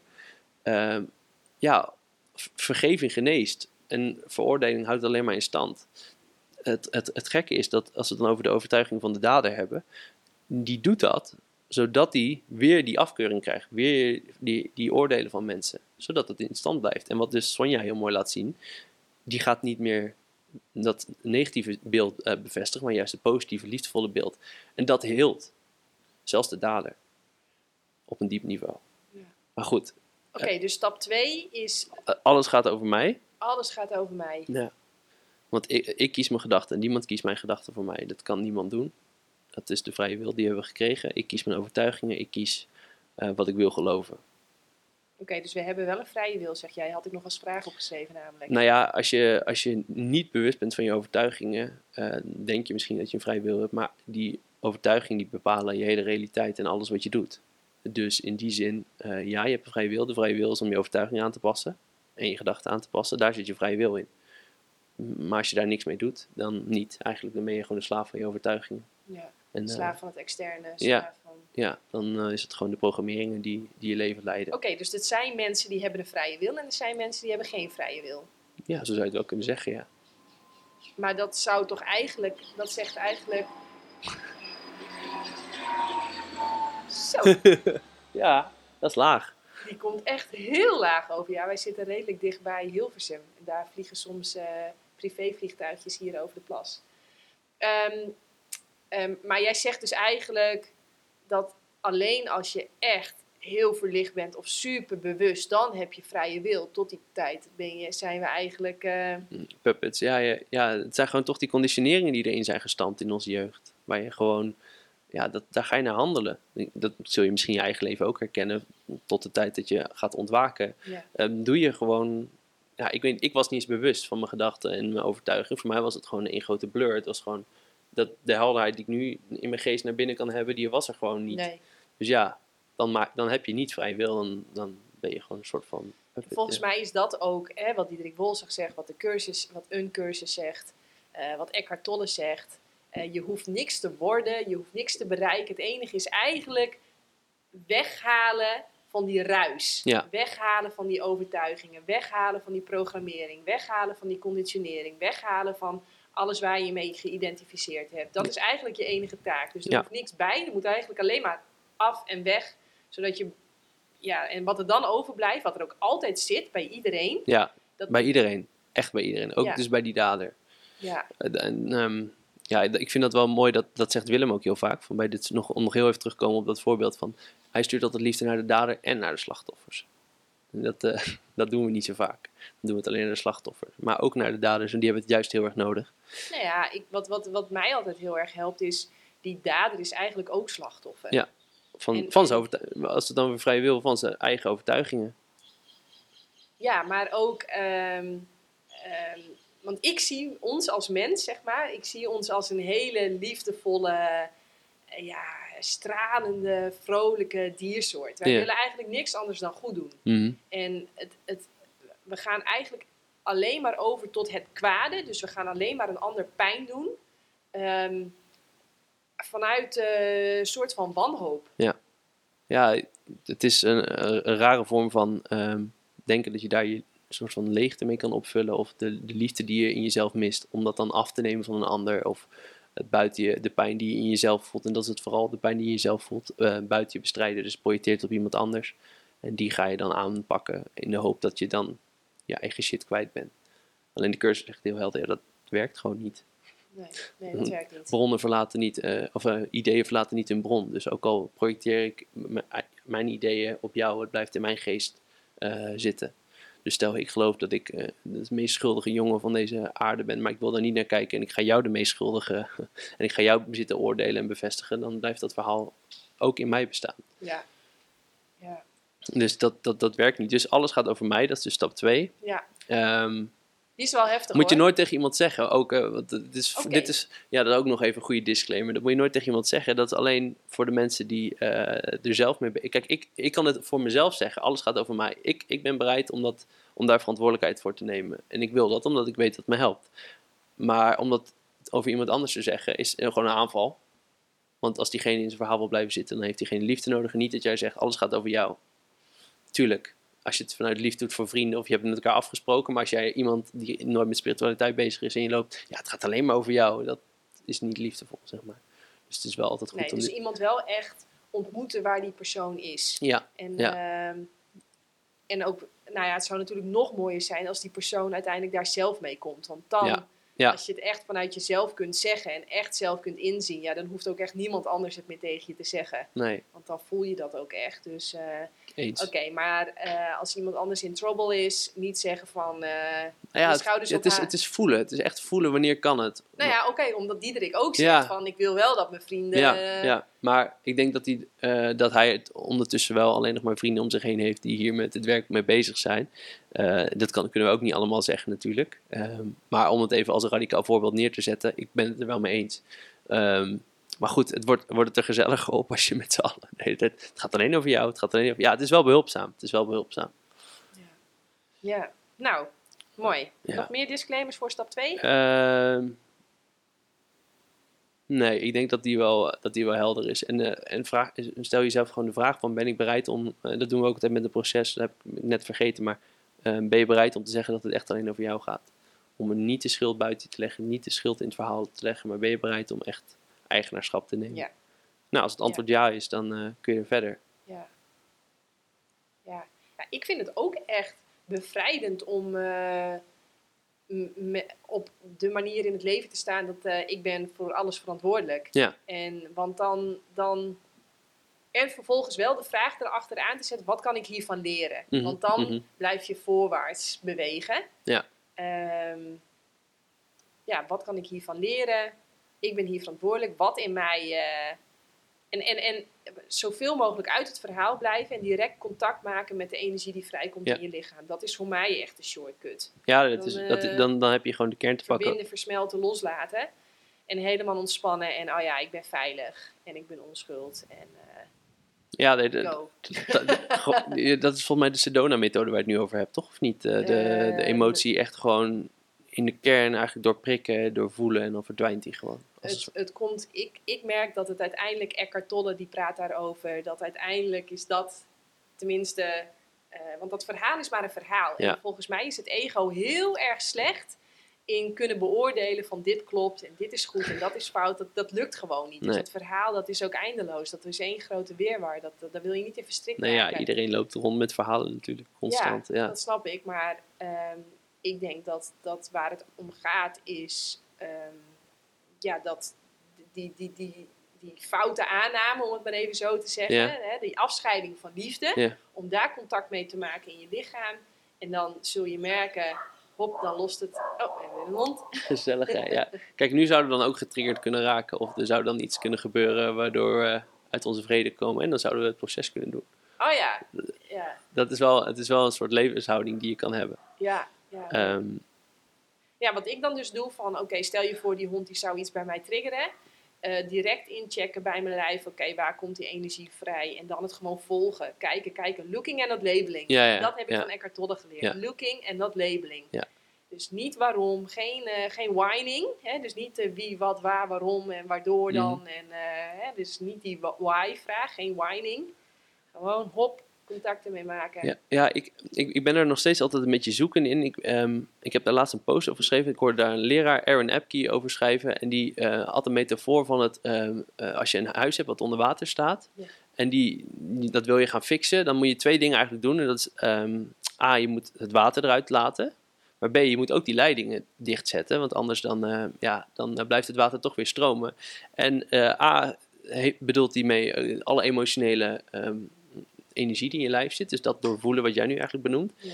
Maar B, denk ik ook wel de overtuiging die die emotie heeft getriggerd, eh, doorzien en loslaten. Want anders dan eh, kan het huis weer volstromen, zeg maar. Ja, ja. Ik weet niet hoe jij daarnaar kijkt, maar Ja. ik- Ehm, ja, dat, dat vind ik ook een leuk. En ik, ik heb daar niet een sluitend antwoord ik op. ook nog niet. Nog ik steeds heb daar niet. geen sluitend antwoord op. Ik denk wat, wat, wat. ehm, nou, wat ik net zei, omdat ik denk dat dat ego niet zo heel goed kan bepalen wat nou goed is en wat fout Mhm. is en wat mooi en wat lelijk, weet je wel. Dat, dat, dat vraagt tien verschillende mensen wat is mooi en wat is lelijk. Ja, daar kom je niet uit. Kom je niet uit.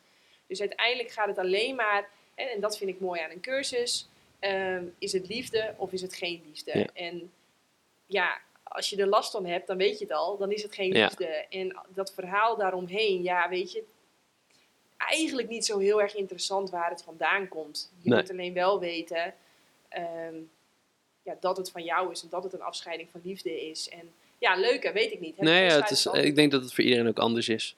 en soms zie je natuurlijk dat het soms wel handig kan zijn om een beetje inzicht te hebben. Zeker. En eh, Eh, vooral als je begint eh, op het pad en om Ja. gewoon eens te zien, oh, deze herinneringen zijn traumatisch voor mezelf geweest en deze Ja. overtuiging heb ik toen gevormd, dan weet je gewoon een beetje van waar je zwakke plekken liggen. En dan, als er later eh, in je leven wat triggers komen, dan kun je ze makkelijker plaatsen. En oh ja, dat was die oude vergissing. En eh, die kan ik nu laten gaan. Ja. ja, je weet het. eh, ik ben heel erg van, fan van Psychica. Mm. Dus ja, dan interesseert ons het helemaal Nee, niks nee, waar het nee, vandaan nee, komt. nee, nee. Het helpt niet. En ja, dat is niet nodig. Dat is een afscheiding van liefde. Dus we gaan er iets in zetten Ja. wat wel helpt. Ja, En, er zijn zoveel methodieken die, ja. die je kunnen helpen. Ja, maar ja, ik hou van snel en efficiënt Ja. en niet te veel lullen. Hè, als ik hoor negen weken, dan denk ik eh, zo. Ja, ja, nou ja, daarom. Je moet daarin je eigen inspiratie Ja. volgen. En eh, zoals je zelf zei, als je hulp vraagt, dan krijg je de methodieken die bij je passen. Precies. Ehm, ja, mooi. Oké, stap de- drie. ja, nou, dat is dus de emotie voelen. En ja. dat is voor mij tot op de dag van vandaag nog best een uitdaging. Om echt te voelen ehm, en echt te kunnen benoemen, wat voel ik nou? Ik voel dan wel onvrede of zo, maar ik kan... Het, voor mij is het nog best lastig om dan, eh, nou, stel ik ben onrustig, om dan te bepalen of het ongemakkelijk is, wat ik voel, eh, verrast, geschrokken, verstoord. Sommigen weet ik niet eens hoe ze voelen. Geen idee. Ehm, om, dus eigenlijk is het voor mij een enorme oefening de laatste tijd om, eh, om gewoon elke emotie te kunnen labelen. En gewoon eens te kunnen kijken, hm, wat voel ik nu dan? Leren voelen, dat, dat is stap drie eigenlijk. Hmm. Ik, ik, grappig. Eh, ik, ik stel je nu een vraag, want ik, ik, ik doe dat dus, pak dat anders aan. Want dan moet ik toch weer do- naar mijn hoofd om daar een woord aan te koppelen. Ja. En eh, Ja. ik blijf daarbij vandaan. Ik, zeg, ik vraag gewoon van, oké, waar zit het dan in je lichaam? Oké, ja, het zit hier bij mijn middenrif. En wat zit daar dan? Ga maar kijken. Hè? Je hoeft, we gaan niet analyseren, we gaan gewoon kijken. Ja, het lijkt wel een bal. Oké, wat voor kleur heeft die bal dan? Ja, blauw. Oké, wat voor structuur heeft die bal dan? Dus we hoeven daar, want anders moet je toch weer dat hoofd en dat. eh, Ja, maar het grappige is dus, Ja. eh, want het is het leuk dat er, ehm, dat als ik ehm, met zo'n woord bezig ben, en ik, dan moet ik juist zo erg duidelijk invoelen van wat, wat is het nou? als ik het echt moet gaan definiëren, dan moet ik juist in contact komen met die emotie, anders weet ik niet wat het is. Dus voor mij helpt het juist om er veel meer in te zakken. Want ik, ik moet echt helder kijken, wat, wat is het nou? En Ja. daarvoor moet je in contact zijn met je emotie. Ja, Ehm, ja, en ik weet dat Diederik, die moest ook eh, zichzelf dit aanleren om, om, om te leren voelen. Voor hem was dat ook een klus. En ik, hij zei altijd, dat, volgens mij, of zei hij dat, ik maak niet uit of hij het zei, maar dat vrouwen daar ook wel iets beter in zijn. Dus die kunnen al veel sneller benoemen en voelen. En mannen, ja, die zijn, hebben toch wat meer geleerd om eh, in hun hoofd te zitten en weg te gaan bij hun eh, pijn en verdriet, want je moet stoer en sterk zijn. En voor mij is dat echt de weg terug om toch wat meer met mijn rijke binnenwereld in contact te komen. En alle emoties die daarbij horen. En, ehm, en zeker voor dit proces is het belangrijk om wel eh, de, de juiste emotie te voelen, want die staat in direct contact met de herinnering. Dus soms, eh, als er ook geen herinnering komt, dan kan het ook zijn dat de emotie niet accuraat is. Of dat je niet de emotie voelt die echt bij die trigger hoort. ja, ja, ik snap het. Dus dan komen we bij stap 4. Dus dit zijn eh, de emoties. En bij stap 4, ja, dan, dan, zoals je net hebt laten zien, dan komt er uit de geest, het is opgeslagen, want die emoties zijn opgeslagen samen met de herinnering in je geest, komt omhoog. En eh, dan speelt er zich iets af. En daar kun je naar kijken. Eh, en dan jezelf ook de vraag stellen, wat heb ik over mezelf eh, geloofd? Wat is het oordeel naar mezelf toe? Aan de hand van deze situatie. Dus je hebt deze situatie, die speelt zich af. Maar wat heb ik over mezelf besloten hier? Oké, dus wat is het oordeel over mezelf? Wat heb ik over mezelf besloten? Ja. ja. Oké, vijf. Ja, ja nee, nog, Oh. misschien nog wel leuk Ja, om, om een zijstapje te maken naar de cursus. Want eh, Een cursus. wat, ja, een cursus in wonderen. Wat we, wat we qua oordelen waar we vaak eh, dan terechtkomen. Dus je hebt die herinnering. Nou, en bij, bij vijf is het inderdaad het oordeel van wat heb ik over mezelf besloten. Maar die zijn best wel duister en zijn heel erg negatief. En de cursus die beschrijft het ook best wel pittig. Maar ik dacht, misschien is het leuk om daar een klein stukje uit voor te lezen. Ehm, jij denkt dat je de woning bent van slechtheid, duisternis en zonde. Dat is pittig. Jij denkt dat als iemand de waarheid over jou kon zien, hij zou worden afgestoten en voor je terug zou deinzen als voor een giftige slang. Jij denkt dat als jou de waarheid over jou werd geopenbaard, je met zo'n intense afschuw zou worden vervuld, dat je hals over kop de hand aan jezelf zou slaan, omdat je onmogelijk zou zijn nog verder te leven na dit te hebben gezien. Dit zijn ook... Vertaal dat, vertaal dat eventjes in Christophe van Drie Ja, taal of in Jan ja, taal. Nou ja, eh, Het is eigenlijk dat als jij, hè, dat, ik vind dat ook vervelend. Als ik dan zeg, ja, ik, volgens mij heb ik over mezelf besloten dat ik een egoïst ben. Ja. Ja, man, dat is iets om je voor te schamen. Dat is een hele lage trilling. Ja, ja, dus en in principe wat de cursus eigenlijk zegt, als je hier op aarde rondloopt, en dan gaan we wel gelijk heel diep, maar dan heb jij, dan loop je rond met zelfhaat, dan loop je rond met schuld, dan loop je rond met pijn.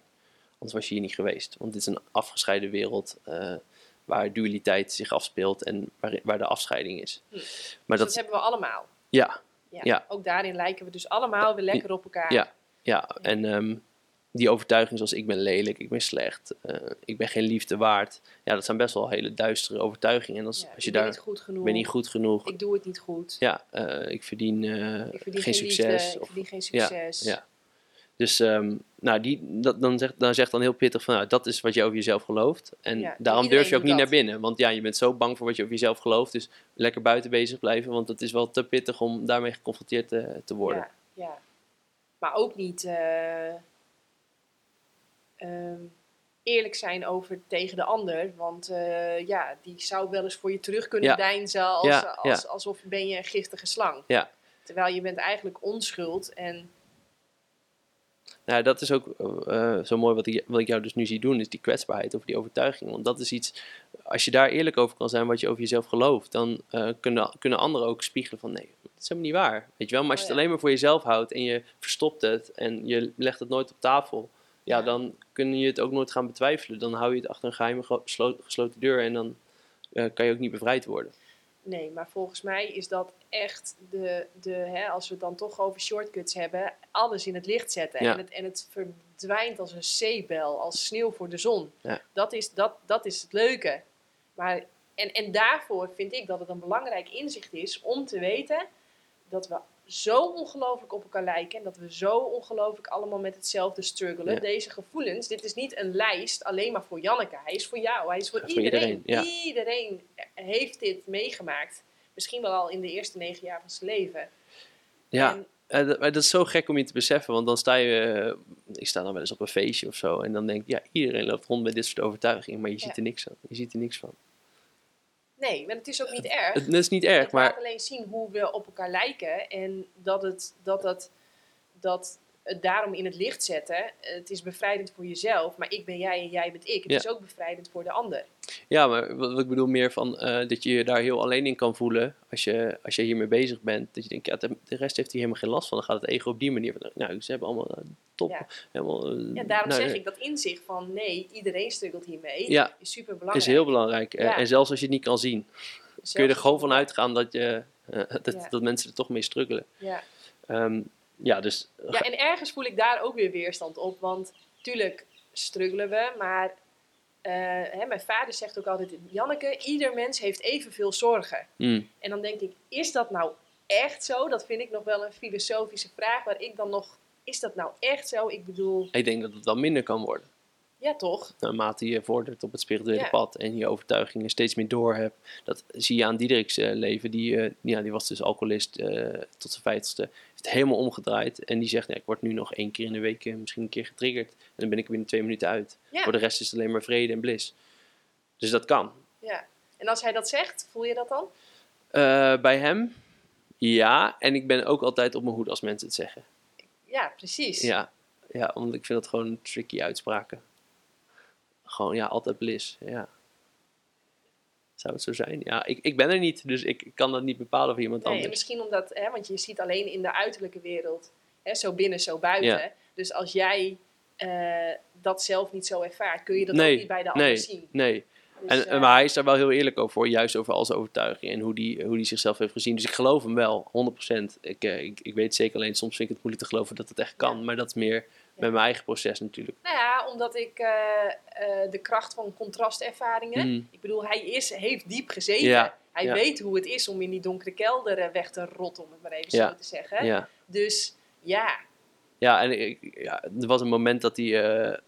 toen liep hij in de supermarkt en toen was hij ook dronken. En toen hoorde hij zichzelf leeuwengeluiden maken. En toen dacht hij, nou, nu is, nu, nu, nu is er echt iets aan de hand. Nu moet ik echt aan de slag. Maar daar is hij dan heel eerlijk over en kwetsbaar. En dat is denk ik ook een heel mooi teken eh, van iemand die ze- zijn werk heeft gedaan. Is dat je ook kan praten over je schaduwkanten. En kwetsbaar kan zijn en eh, ons, je onzekerheden kan delen. mhm. En ik vind dat zelf nog steeds best wel heel erg moeilijk om, om daar echt voor uit te komen. En om echt eerlijk te zijn van, ja, nee, dit zijn overtuigingen waar ik mee zit. En ja, hij doet dat wel heel mooi. ja. Maar ik ga nog even door. Ja. Ja, want eh, het is wel heel naar als we daarmee zouden eindigen qua alinea, zo'n zo'n duistere alinea. Dan zegt hij, dit zijn overtuigingen die zo vast verankerd zijn dat het moeilijk is je te helpen inzien dat ze op niets zijn gebaseerd. Dat je fouten gemaakt hebt, is duidelijk. Dat je op zonderlinge manieren verlossing hebt gezocht, misleid en misleidend bent geweest, bang voor dwaze fantasieën en wilde dromen, en je hebt neergebogen voor afgoden uit stof gemaakt, dit alles is waar, gemeten naar wat je nu gelooft. Vandaag zetten we hier een Wacht vraag... even, sorry hoor. Ik mag dit weer eventjes in Christophe Ja. van taal. Want Ja. dat vind ik echt zo... Ja. Eh, eh, ik word getriggerd. Maar, nou ja, daarom denk ik heel vaak... Mensen beginnen bij een ingang tot cursus in. Ja, ja, ja. Dat je, dat je even Ja, sorry, stapje ja. voor stapje voor stapje voor stapje... bij deze manier van schrijven, bij deze woordkeuze... Ja. Want anders kan ik me voorstellen dat het, dat, dat, dat het niet pakt. Nee, nee. Nou ja, dus wat, wat die, de, eerste zin, en die heb ik onderstreept, want die is heel erg helder voor mij. Dit zijn overtuigingen die zo vast verankerd zijn dat het moeilijk is je te helpen inzien dat ze op niets zijn gebaseerd. Zoals je net hebt gedemonstreerd, eh, was die overtuiging op niets gebaseerd. Maar wat er met de zelfbeeld gebeurt, is dat dat wordt zo- wordt zo'n bekend terrein, dat letterlijk je lichaam ook verslaafd wordt aan de bevestiging van die negatieve overtuiging. Dus het zit zo diep, al die duisternis, al die overtuigingen, al die slechtheid, dat, dat je eigenlijk niet eens meer gaat afvragen, is het wel waar? Ja. En dat is eigenlijk wat die... Dan moeten we Byron Katie erbij pakken. Ja. Eh, is het waar? Ja. Kunnen we zeker weten dat het waar is? En eh, nou, dat, dat is vaak al... Vaak is dat is waar. al een dikke nee. Ja, ja, vaak is het waar dat het niet waar is. Ja, Ja. ja. En we kunnen het vaak ook helemaal niet zeker weten. Kan ik echt zeker weten dat ik een egoïst ben? ja hoe? hoe?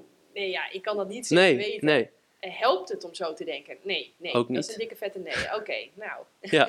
Dus dan bewijs je dat ze op niets zijn gebaseerd. Ja, Ehm, en ja, dat je fouten gemaakt hebt is duidelijk. Nou, die spreekt op zich, eh, voor zich. Eh, we maken allemaal fouten als mensen, maar dat betekent nog niet dat je een slecht intrinsiek een slecht mens bent of eh, je waarde gewoon compleet niks voorstelt. En dat is voor mensen soms ook moeilijk om te beseffen. Dat, dat ook al heb je iets heel heftigs gedaan, je kan jezelf vergeven en je mag gewoon toch nog in liefde verder leven. Je hoeft niet je hele leven in straf verder te leven, zeg maar.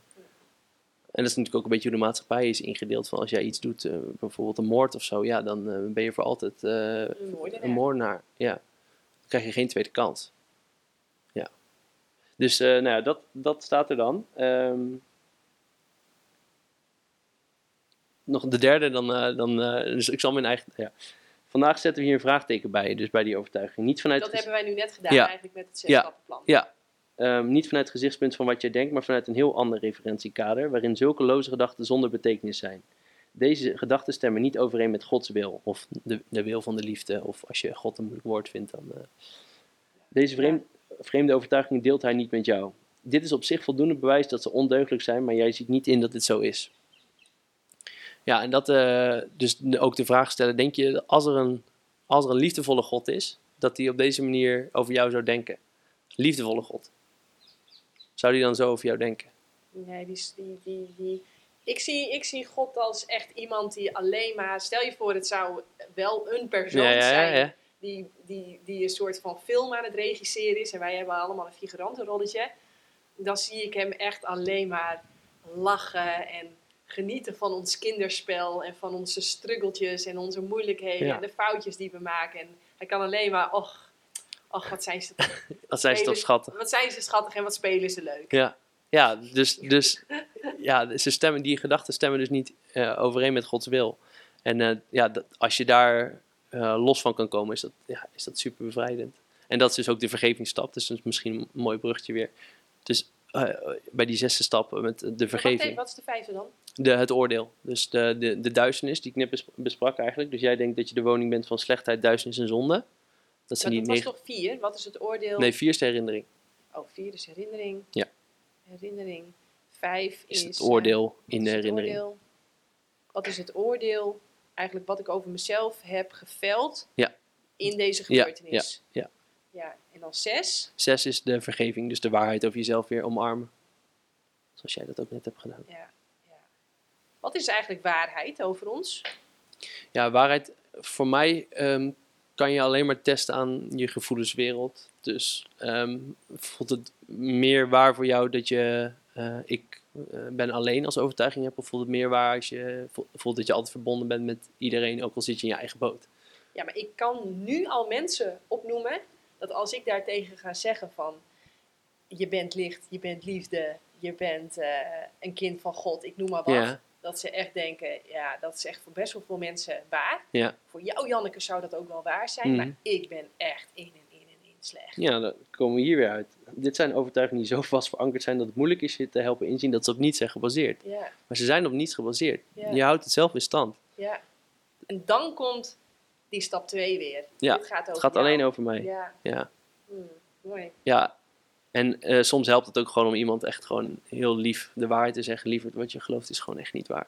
Ik zie iets heel anders. En dat Ja. gewoon teruggeven, dat kan ook heel genezend zijn. Ja, Gewoon lief te geven. ja, ja. Ja, het is, ja. Mooi. Mag ik terug eventjes, eh, heb, heb je alles... eh, ja, zeker. Ja. Wat heeft het jou gebracht, negen weken? rust, want dat had ik heel erg nodig ook na die burn-out. Dus ook vooral het, gewoon het in de middag wandelen en vroeg opstaan en gewoon geen telefoon. Ik had zeven weken of eh, negen weken geen telefoon. Ehm, heel erg veel rust. En toen ik terugkwam, toen kwam ik in een soort staat van vrede die ik nog nooit had meegemaakt. Een beetje zoals Jan van Delden vaak spreekt. Eh, dus ik was echt, ik was die waarnemer en ik, al die de gedachten kwamen wel langs, maar het, het, raakte me gewoon helemaal niet. Dus ik heb daar best wel een paar weken nog ingezeten. Het was heel erg fijn om te zien ook van, oh, dat is dus waar non-dualiteit over heeft. Ik ben daar niet in doorge... Het is niet eh, permanent gebleven, maar het was wel heel tof om al gewoon... Ik, ben al altijd heel dankbaar voor spirituele ervaringen. Gewoon om een keer een ander bewustzijn mee te maken van, wow, dit kan dus ook. En hier kan je dus naartoe werken. Ehm, en eh, de discipline heeft me heel erg geholpen om ja, elke keer toch je gedachten te bevragen en eh, verantwoordelijkheid te nemen. En vooral die discipline denken, want dat is, ik moet eerlijk bekennen dat jij, jij sch- schrijft vaak over discipline. En elke keer dan wilde ik eigenlijk niks van weten. En dan een beetje oordelen en een beetje, ja, dat projecteerde ik dan heel erg op. Maar ik kom, kom erachter dat discipline is zo verschrikkelijk belangrijk. En vooral ook op de, in je gedachtenswereld. In je gedachtenwereld, daar... Oh Als je man, wat zeg je iets belangrijks. Ja. Ik zeg, mensen zijn vaak zo streng op wat ze eten. Ja. Zo streng op wat ze drinken. En ik zeg altijd, wees minstens zo streng op wat voor gedachten je toelaat. Ja, Dat is zoveel belangrijker. en, en het, eh, het lastige is dan, streng voelt dan weer van... Oké, dan ga ik mezelf dus een, eh, be- een, Nee, ja. eh, zeg maar kritiek hebben als ik eh, wel die gedachten laat gaan. Dat werkt ook weer niet. nee, het gaat over aanwezig zijn. Ja, aanwezig zijn. Dus Ja, dat je met net zoveel bewustzijn kiest over wat je eet. Hè? Dus dat je met net zoveel bewustzijn als dat je door de supermarkt Ja. loopt, dit wel, dat niet. Dat je net zo bewust aanwezig bent over Ja. dit, dat. dat is essentieel. Dat is hartstikke belangrijk. En eh, ik, ik heb laatst gegoogeld. Volgens mij is het nu al eh, qua wetenschappelijk onderzoek dat we 120.000 gedachten op een dag hebben. Volgens mij is al zoveel. Of 90. Nou getallen maakt niet uit. Maar ja, hoeveel daar dus negatief van zijn. Omdat wij ze eigenlijk gewoon laten doorglippen. we geven gewoon, eh, ja, kom maar binnen. Alsof je bij een festival staat. Kom maar binnen. Kom maar binnen. Nou, stel je een festival voor met eh 90.000 negatieve gedachten. Is niet leuk. Dus de denkgeestdiscipline, wat ik een hele mooie term vind, eh, is, is, zo, is zo belangrijk. En eh, ik, ik probeer er zelf heel erg mee te oefenen. Want ik, ja, heel vaak zijn nog verloren momenten dat ik denk, oh nee, daar gaan we weer. Ja, ja, ja, ja. We gaan even een pauze inlassen. Ja, is goed. We gaan eh de ouders eh, even opzoeken, eh, aan de borst leggen en op bed brengen. Maar ik, ik heb echt nog een lijstje en ik vind dat je een mooie brug slaat. Want ik heb hier letterlijk opgeschreven, een ongetrainde denkgeest kan niets bereiken. Ja. En ik denk dat we, zullen we daar straks even over Ik vind het verder goed. eh, Ja. praten? Super. Ik had nog opgeschreven van een, eh, een ongetrainde denkgeest kan niets bereiken. Ja. Laten we even beginnen met, wat is, wat is een denkgeest? Ja, ja dat, eh, de cursus heeft over de denkgeest. Eh, in het Engels is het mind. Daar kunnen mensen al iets meer eh, bij bedenken. Maar het is ja, de, de geest waarin ja, de, constant alle gedachten langskomen.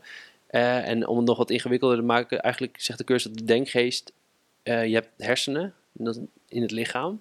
Maar eigenlijk eh, zijn de hersenen de ontvanger van de denkgeest. Dus de denkgeest komt nog voor de, voor de hersenen, voor het lichaam. Dus eh, je ontvangt de gedachten uit je denkgeest in je hersenen. Dus dat, is- dat is dan de, meer de ja, ja. metafysische blik. Maar Ja. dus, en die denk, Is je denkgeest, produceert je denkgeest je gedachten? eh, in, de, in de denkgeest komen de gedachten langs, komen ze voorbij. Ehm, of die ze dan ook produceert in die zin. Mm, Want ik zie, ik zie zeg maar, eh, hè, onze darmen die probeer, produceren scheetjes en Mhm. drollen. Onze blazen produceert Ja, urine. ja. Ehm, ja, ja, die, ons brein produceert eigenlijk gedachten om zo de omgeving te scannen van is het hier veilig ja of nee. Ja, die, die denkgeest die heeft sowieso het lichaam ge- eh, gemaakt met gedachten. Dus het, het lichaam is eigenlijk al een projectie van het denken van de denkgeest. En de, ehm, de denkgeest die heeft drie delen eigenlijk. Die heeft de liefdevolle zelf, het ego en dan de keuzemaker. Dus die keuzemaker die kiest ervoor welke gedachten in de denkgeest eh, aandacht krijgen in die zin. Dus En dat die- manifesteert zich weer in de wereld. en is dan, is dan je keuze maken, is dan dat je bewustzijn? Ja, kan je ja. bewustzijn kiezen wie uit mijn denkgeest zet ik achter het stuur Ja, van mijn leven? ja. Zeg ik het al goed? Ja, ja, Oké, dus je bewustzijn, maar ik zie het bewustzijn. eh, je bewustzijn, dat is tijdloos. Dat is ja de sti- eindeloos. stille achtergrond, zeg maar. Ja, Ja. dat is tijdloos. Dat is eindeloos. Maar je kijkt wel vanuit dat bewustzijn naar situaties, naar je gedachten. En dus als jij je gedachten ziet en je maakt een keuze tussen die gedachten, dan is er nog een waarnemer. En dat is dus dat bewustzijn. Ja, Maar die maakt ook de keuze. ja die waarnemers. Want anders, je kan, maken. niet, eh, je kan niet de keuze maken als je het niet ziet. Dus je ziet het met bewustzijn. Ja. Ja, maar dat bewustzijn, dat staat volgens mij los van je hersenen. Ja. En ik heb het idee dat je gedachte is een product van die hersenen. Ja, ja, is- En, ja. en jij als bewustzijn kunt kiezen, waar ga ik die hersenen in trainen? Net als dat bewustzijn kan kiezen, ga ik dit hard trainen om een topsporter te worden? Dus ga ik het groot maken? Of ga ik deze spieren gebruiken om Ja. op de bank te zitten? Of ga ik deze spieren gebruiken om een roeiboot heel hard vooruit te kunnen? Dat is dat bewustzijn, wat losstaat van je hersenen. Ja. En dat bewustzijn kan ook kiezen, waar gebruik ik die hersenen voor?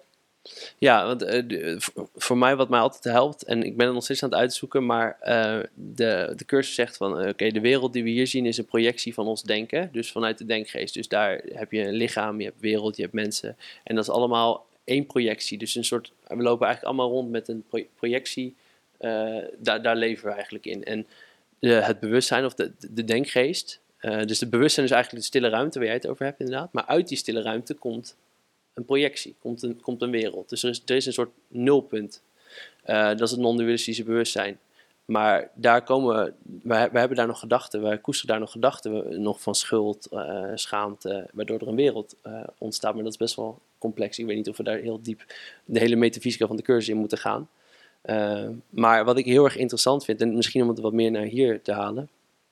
het moment dat jij je zelfbeeld aanpast, gaan er ook, gaat je wereld ook mee veranderen. Ja, en niet alleen in hoe je je voelt, maar ook in letterlijk je wereld. Dus als jij gelooft dat jij uh, een onwaardig persoon bent en daardoor in je wereld uh, geen succes hebt in je bedrijf en je, je, relaties lopen allemaal niet lekker.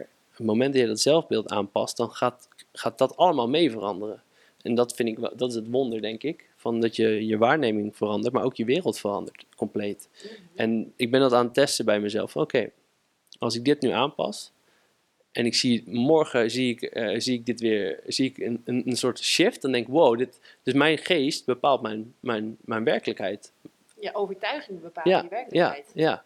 Dus hoe jij, ja, precies. Maar ook alles dan. Dus, en de cursus zegt ook verantwoordelijkheid nemen voor alles wat je ziet. Ja, dus uh, als jij oorlog ziet, dan is dat een, een weerspiegeling van jouw geloof in oorlog. In jezelf. En, dus, dus, en, en, als iets je triggert, neem daar verantwoordelijkheid voor. Geef het aan de Heilige Geest, zoals de cursus zegt. Of zegen het, stuur de liefde naartoe. Uh, en maak het ongedaan. Ja, dat vind ik wel machtig mooi. En uh, ja, het is heel bizar. Er zijn er van die voorbeelden van... Um, ik ben dan met een zelfbeeld nu bezig van... Oké, okay, ik ben het waard. Want dat is eentje waar ik het over had. Die is nog hardnekkig. En die ben ik aan het trainen geweest en daar ben ik gewoon echt gedisciplineerd mee bezig geweest. En uh, tot ik uh, dat, de tipping point kan vinden. Dus oké, ik zit dan, ik, ben het, ik, zit en ik ben het niet waard, dus ik voel me dan slecht of ik voel me minder. Dan ga ik, ga ik eigenlijk affirmeren en dan ga ik eigenlijk de andere kant op. Ik ben het wel waard en ik ben liefde, ik ben dus over God. Nou, ga zo maar door. Tot ik het, de, de vrede voel, wat jij ook net hebt laten zien. En het moment dat ik naar buiten loop, kom ik mijn buurman tegen, die heeft een koffietentje en die zegt tegen mij... Uh, ja, we praten eigenlijk nooit met elkaar. We zeggen altijd gedag, maar uh, wil je niet gewoon lekker gratis een uh, koffietje even komen doen? En dacht ik, wow, dit is dus al een manifestatie van die shift in, in bewustzijn van ik ben het niet waard, nou ik ben het waard.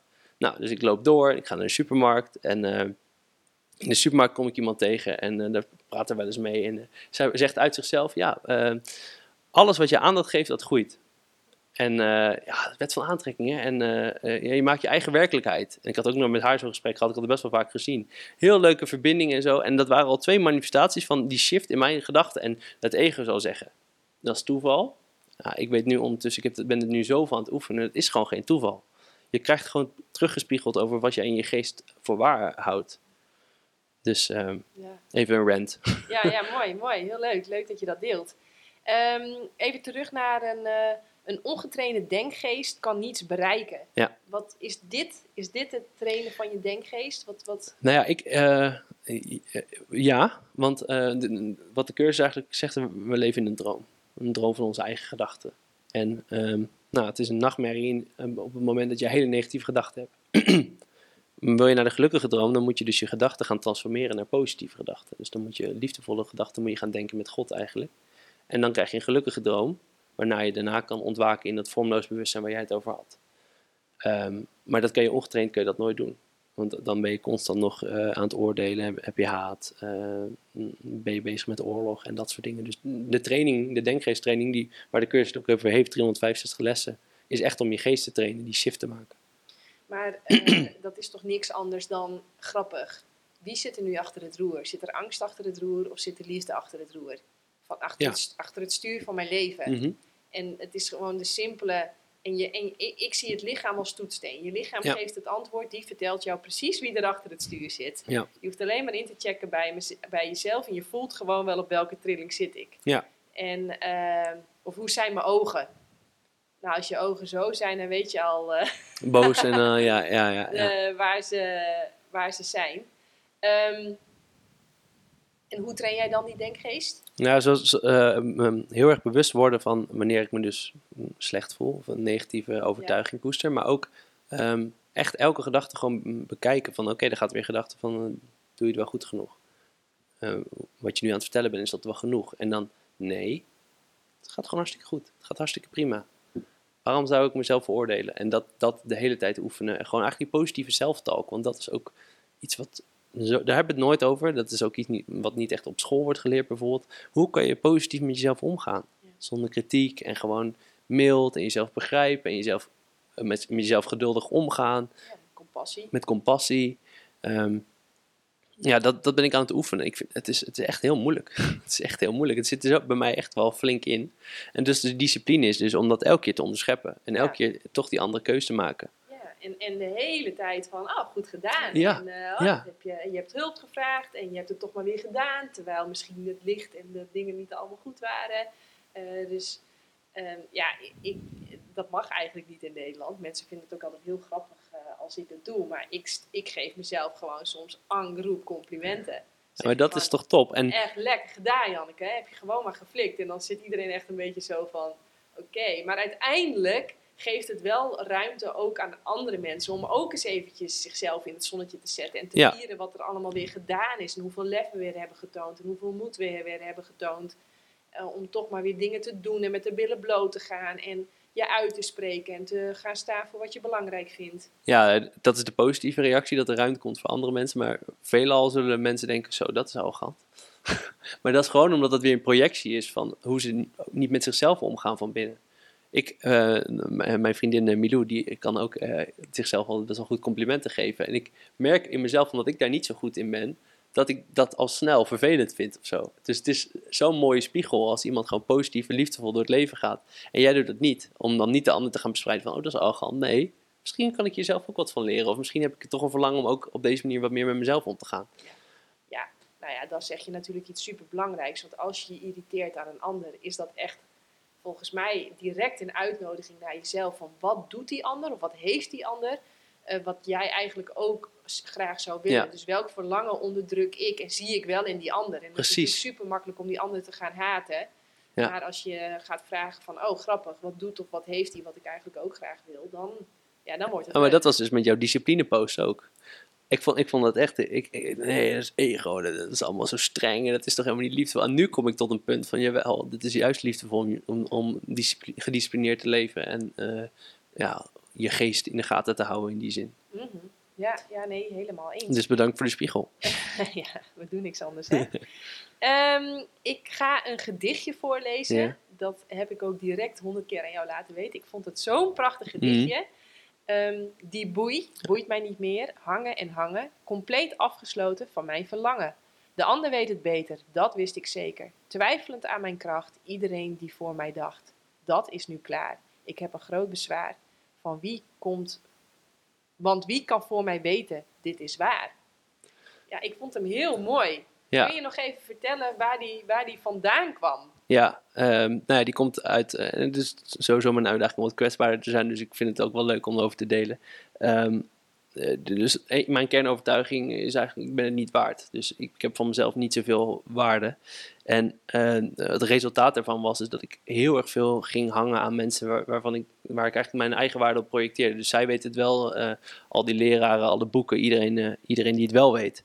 Ehm, tot ik op een gegeven moment achterkwam van ja, maar ik heb zelf ook gewoon wijsheid. Ik heb zelf ook gewoon waarde. En eh, ik kan die ommekeer gaan maken.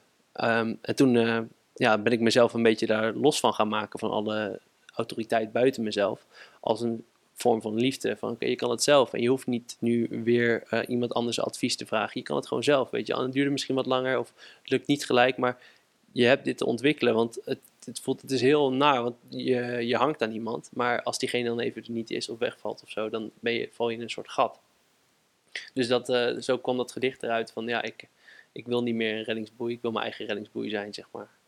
Ja, en tegelijkertijd dan ga ik even prachtig Ja, hè, ja. advocaat van de duivel spelen. Want ik denk dat heel veel te veel mensen eigenlijk veel te lang en te veel alleen aanmodderen. Ja. Terwijl het zo'n grote kracht is om, eh, om hulp te vragen aan de ander. Mensen doen ook niks anders dan de ander graag helpen. Ja. En ik denk dat het de kracht van een relatie is. Überhaupt kan er alleen maar een, rela- een relatie ontstaan als de een hulp durft te vragen en de ander dus ook hulp kan geven. Dus Ja, nee, ik, ik snap wat je bedoelt. D- Waar, waar, waar zat hem voor jou dat jij dacht van ik moet stoppen nu met hulp vragen en het buiten mezelf zoeken. Nou, ik, ik- het is niet zo dat ik helemaal gestopt ben met hulp vragen. Het is meer de intentie, ben ik helderder gaan onderzoeken van oké, vanuit waar doe ik het nu? Doe ik het nu omdat ik gewoon eigenlijk niet geloof dat ik het eh, zelf kan. Eh, en heel vaak is de conclusie geweest, word gewoon even stil en vraag aan je eigen hogere leiding wat de bedoeling is. In plaats van die persoon waarvan jij denkt dat diegene het goed weet. Want die, die kent jouw binnenwereld niet, die kent jouw leven niet. En die heeft wijsheid, maar die weet niet van binnen wat waar is voor jou. Eh, dus dat ben ik wel vaker gaan doen. En soms kan die leiding ook zeggen, zoek hulp. Dus dat is dan de, de juiste route, denk ik. Van eerst verbinden met je eigen leiding en dan hulp vragen in plaats van vanuit het ego hulp vragen. Ja. Als, ik dat, ja, als dat helder is. Ja, mooi.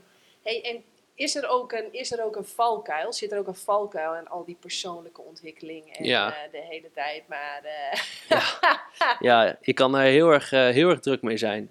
En dan ook vergeten te leven. En dat is denk ik niet de bedoeling. En eh, ik ben er al vaak in getrapt hoor, zeker weten. Maar eh, ook weer goed, dan kun je ook weer kijken van oké, waarom? eh, Want dan wordt het een soort streven of vanuit de perfectie of toch weer vanuit een overtuiging, doet het ego weer mee. Het moet wel leuk blijven, het moet plezierig blijven en het moet ook een beetje speels blijven. dus hoe, hoe challenge jij jezelf daarop? Dat je, dat je het speels houdt, dat je het leuk houdt? Dat... Ja, weer, hoe, hoe voel je je? Oké, want ik, ik, ik los die anders op. Ik, ik kijk altijd van, komt deze persoonlijke ontwikkeling voort omdat ik niet goed genoeg ben Mhm. en omdat het niet goed is Ja. en omdat er verbeterd moet worden? Eh, Ja, maar dan voel je al niet lekker, toch? Dat voelt al niet lekker. Nee, die voelt niet lekker. Nee. Terwijl, of komt het vanuit ehm, ja, nieuwsgierigheid, eh, enthousiasme? eh, hè, dus is het een soort van trekkracht? Ja, ja, ja dat, dat, is een, dat is een hele mooie, mooie verschil wat je daar Ja. schetst. Maar dat is soms wel moeilijk om, om, te ja. weten wat het nou echt is. Ja, De echte Nou ja. motieven. Nou ja, je plezier, je enthousiasme, je passie, die Ja. wijzen ook je weg. Als, je, als jij de tijd vergeet, als jij het echt interessant vindt, als je er graag over leest, over praat, als je hem echt voelt, ja, volgens mij ben je dan op de goede weg. Ja, ja nee, dan, dan, dan kan het ook niet missen. Ja. Maar soms dan eh, is, eh, dat is nog een klein eh, disclaimer misschien, wat ik vaak heb ervaren, de passie kan ook vermomd zijn in, terwijl het toch een, vanuit een negatief motief is. Ik wilde bijvoorbeeld een video gaan eh, maken met mijn vader, die, die is makelaar, en ehm, ik voelde heel veel passie voor huizen, eh, eh, video's maken, want vroeger was ik altijd een editor en zo, dus we hebben alle spullen gekocht en zo. Toen had ik het in mijn handen en toen dacht ik, nee, dit is, dit is het gewoon echt niet. Maar ik dacht echt, dit is mijn passie. Maar toen bleek, als ik even echt eerlijk was naar mezelf, dat ik meer de, het prijskaartje erachter als passie voelde. Van, oh, ik kan hier best wel wat geld mee verdienen naast mijn coachingsbedrijf. Dus dat triggerde toen mijn passie, dacht ik. Maar het was niet echt de passie, het was een soort van je- vermomde hoe- passie. Hoe, kom je daar dan achter dat je jezelf voor de gek zit te houden? Nou, toen ik, die, toen, ik, toen ik al die spullen in mijn handen had en ik was ermee bezig, voelde ik echt geen passie en blijdschap. Toen voelde ik alleen maar, alleen maar een soort van eh, verstrikking en Ja, drukken. drukken. Ja, Ja, ja, ja, ja. ja. Geen trekkracht. Nee, nee, nee. En dan ben ik ook echt de slechtste niet om dat gewoon te incasseren en te zeggen, ja, eh, oké, ik heb eh, Ja. hier naar iets geluisterd wat niet mijn ziel was. En dan weer opnieuw kiezen. Ja, mooi. Ik had ook nog opgeschreven van, eh, want die, daar kunnen we dan nog wel even op aanhaken, die spiritual bypass. Ja. Het is tegenwoordig ook een modewoord, hè? We doen eh, de hele tijd het ook tegen elkaar zeggen. Ja, Ehm, wat zie jij nou echt als typische, de meest voorkomende spiritual bypasses? Wat, wat, wat is het en wat zie je veel terugkomen? Ehm, nou, wat je bijvoorbeeld veel ziet is, eh, kijk, het, het ego bestaat niet. Eh, en dus ja, ehm, ja, alles wat het ego dan doet, daar hoeft er geen verantwoordelijkheid meer voor te nemen, want het ego bestaat niet. Die, terwijl eh, de cursus staat, eh, in de cursus staat heel mooi van, het is aan jou om exclusieve verantwoordelijkheid, exclusieve verantwoordelijkheid te nemen voor het ego, want jij bent wel degene die het ego kiest. Daar ligt echt jouw verantwoordelijkheid. Dus je kan niet het ego maar het hele leven laten leiden en daarna, dat is het ego. Jij kiest wel voor het ego, want Ja, dus daar Absoluut. zit. Ja. Dus die. ehm, ja, ik ben niet een lichaam, dus ik ga mijn lichaam oh, verwaarlozen. ja. oh heel graag even Ja. inzoomen. ja. Ja, die heb ik lang ook eh, zelf, eh, ben ik, heb ik zelf ook lang ingezeten, zeg maar. Dat Oh. ik dacht, ja, ik ga niet sporten, ik ga niet gezond eten, ik ben toch niet een lichaam. Dat lees toch in de cursus. Maar ja, Ja, ik, ja grappig. Dat ik lees dat dus totaal niet terug. Ook bij Eckhart Tolle vind ik, ik vind hem zo duidelijk daarover dat ehm, je lichaam is. Ja, ik zie ook hoe schoner het lichaam en hoe getrainder het lichaam, hoe beter het ook kan ontvangen, hoe beter de Ja. keuzemaker ook kan kiezen tussen ego. Ga maar slecht eten en slecht slapen. ja, het lukt wordt niet. direct zo moeilijk om het ego achter het stuur vandaan te krijgen. Klopt. Dus ja, ik zie het echt als je grootste, misschien wel je allerbelangrijkste opdracht om altijd eerst in de eerste plaats te zorgen voor een gezond lichaam. Ja, dat is, dat is zeker, zeker belangrijk. En een gezonde geest zou ik er dan wel bij willen zeggen. Dat, gaat dan, dat Ja. wordt dan veel makkelijker. Ja, Maar andersom is echt moeilijk. Zeker. De, als je brak bent of als je, als, je, als je hebt gedronken of je bent heel slecht gegeten, dan eh, heeft het ego gewoon vrij spel, vrij baan. Eh, Absoluut. dus, dus die is ook tricky. Van ja, oké, ik ben niet mijn lichaam, dus ik hoef me ook niet te verzorgen. Want je gaat ook gewoon je tanden poetsen en je, gaat ook, je doet gewoon kleren aan. Dus waarom zou je dan niet gaan sporten? En dat hoort ook allemaal hierbij bij het leven. Om gezonder te gaan leven. Maar ik heb dat heel lang, eh, dat ik niet ging sporten. eh, omdat ik dan, eh, ja, dat had met mijn ego had dat mooi gelezen in de cursus. Wonder, ik ben niet het lichaam, ik ben vrij. Dus, ik hoef toch ook niet voor het lichaam te zorgen. Maar dat is niet liefdevol. En deze cursus gaat alleen maar om liefde. Dus daar zit dan discrepantie in. Nou ja, kijk, en dan even, wat, wat, wat bedoelt een cursus daar dan wel mee? Je, volgens mij ben je niet, stel je voor, je kunt niet vijf kilometer hardlopen Mhm. onder de 20 minuten. Ja. je strandt de hele tijd op 20, 17. Ja, ja dat zegt niks over je waarde. Dat is Ja. het verschil. Ja. Dat is het verschil. Het is niet omdat ik, ik als doel gezet had 20 minuten en het lukt het niet, dat ik dan een waardeloos persoon Nee. ben. Niks meer waard, dat ik niet meer mag praten over hardlopen, dat ik niet, nooit meer voor iemand een hardloopschema mag maken. Want ja, ik had als doel gezet 20 minuten en het lukte me niet. Ja. Dat is volgens mij wat een cursus bedoelt. Zeker, de waarde is niet afhankelijk van, van het lichaam. Ja.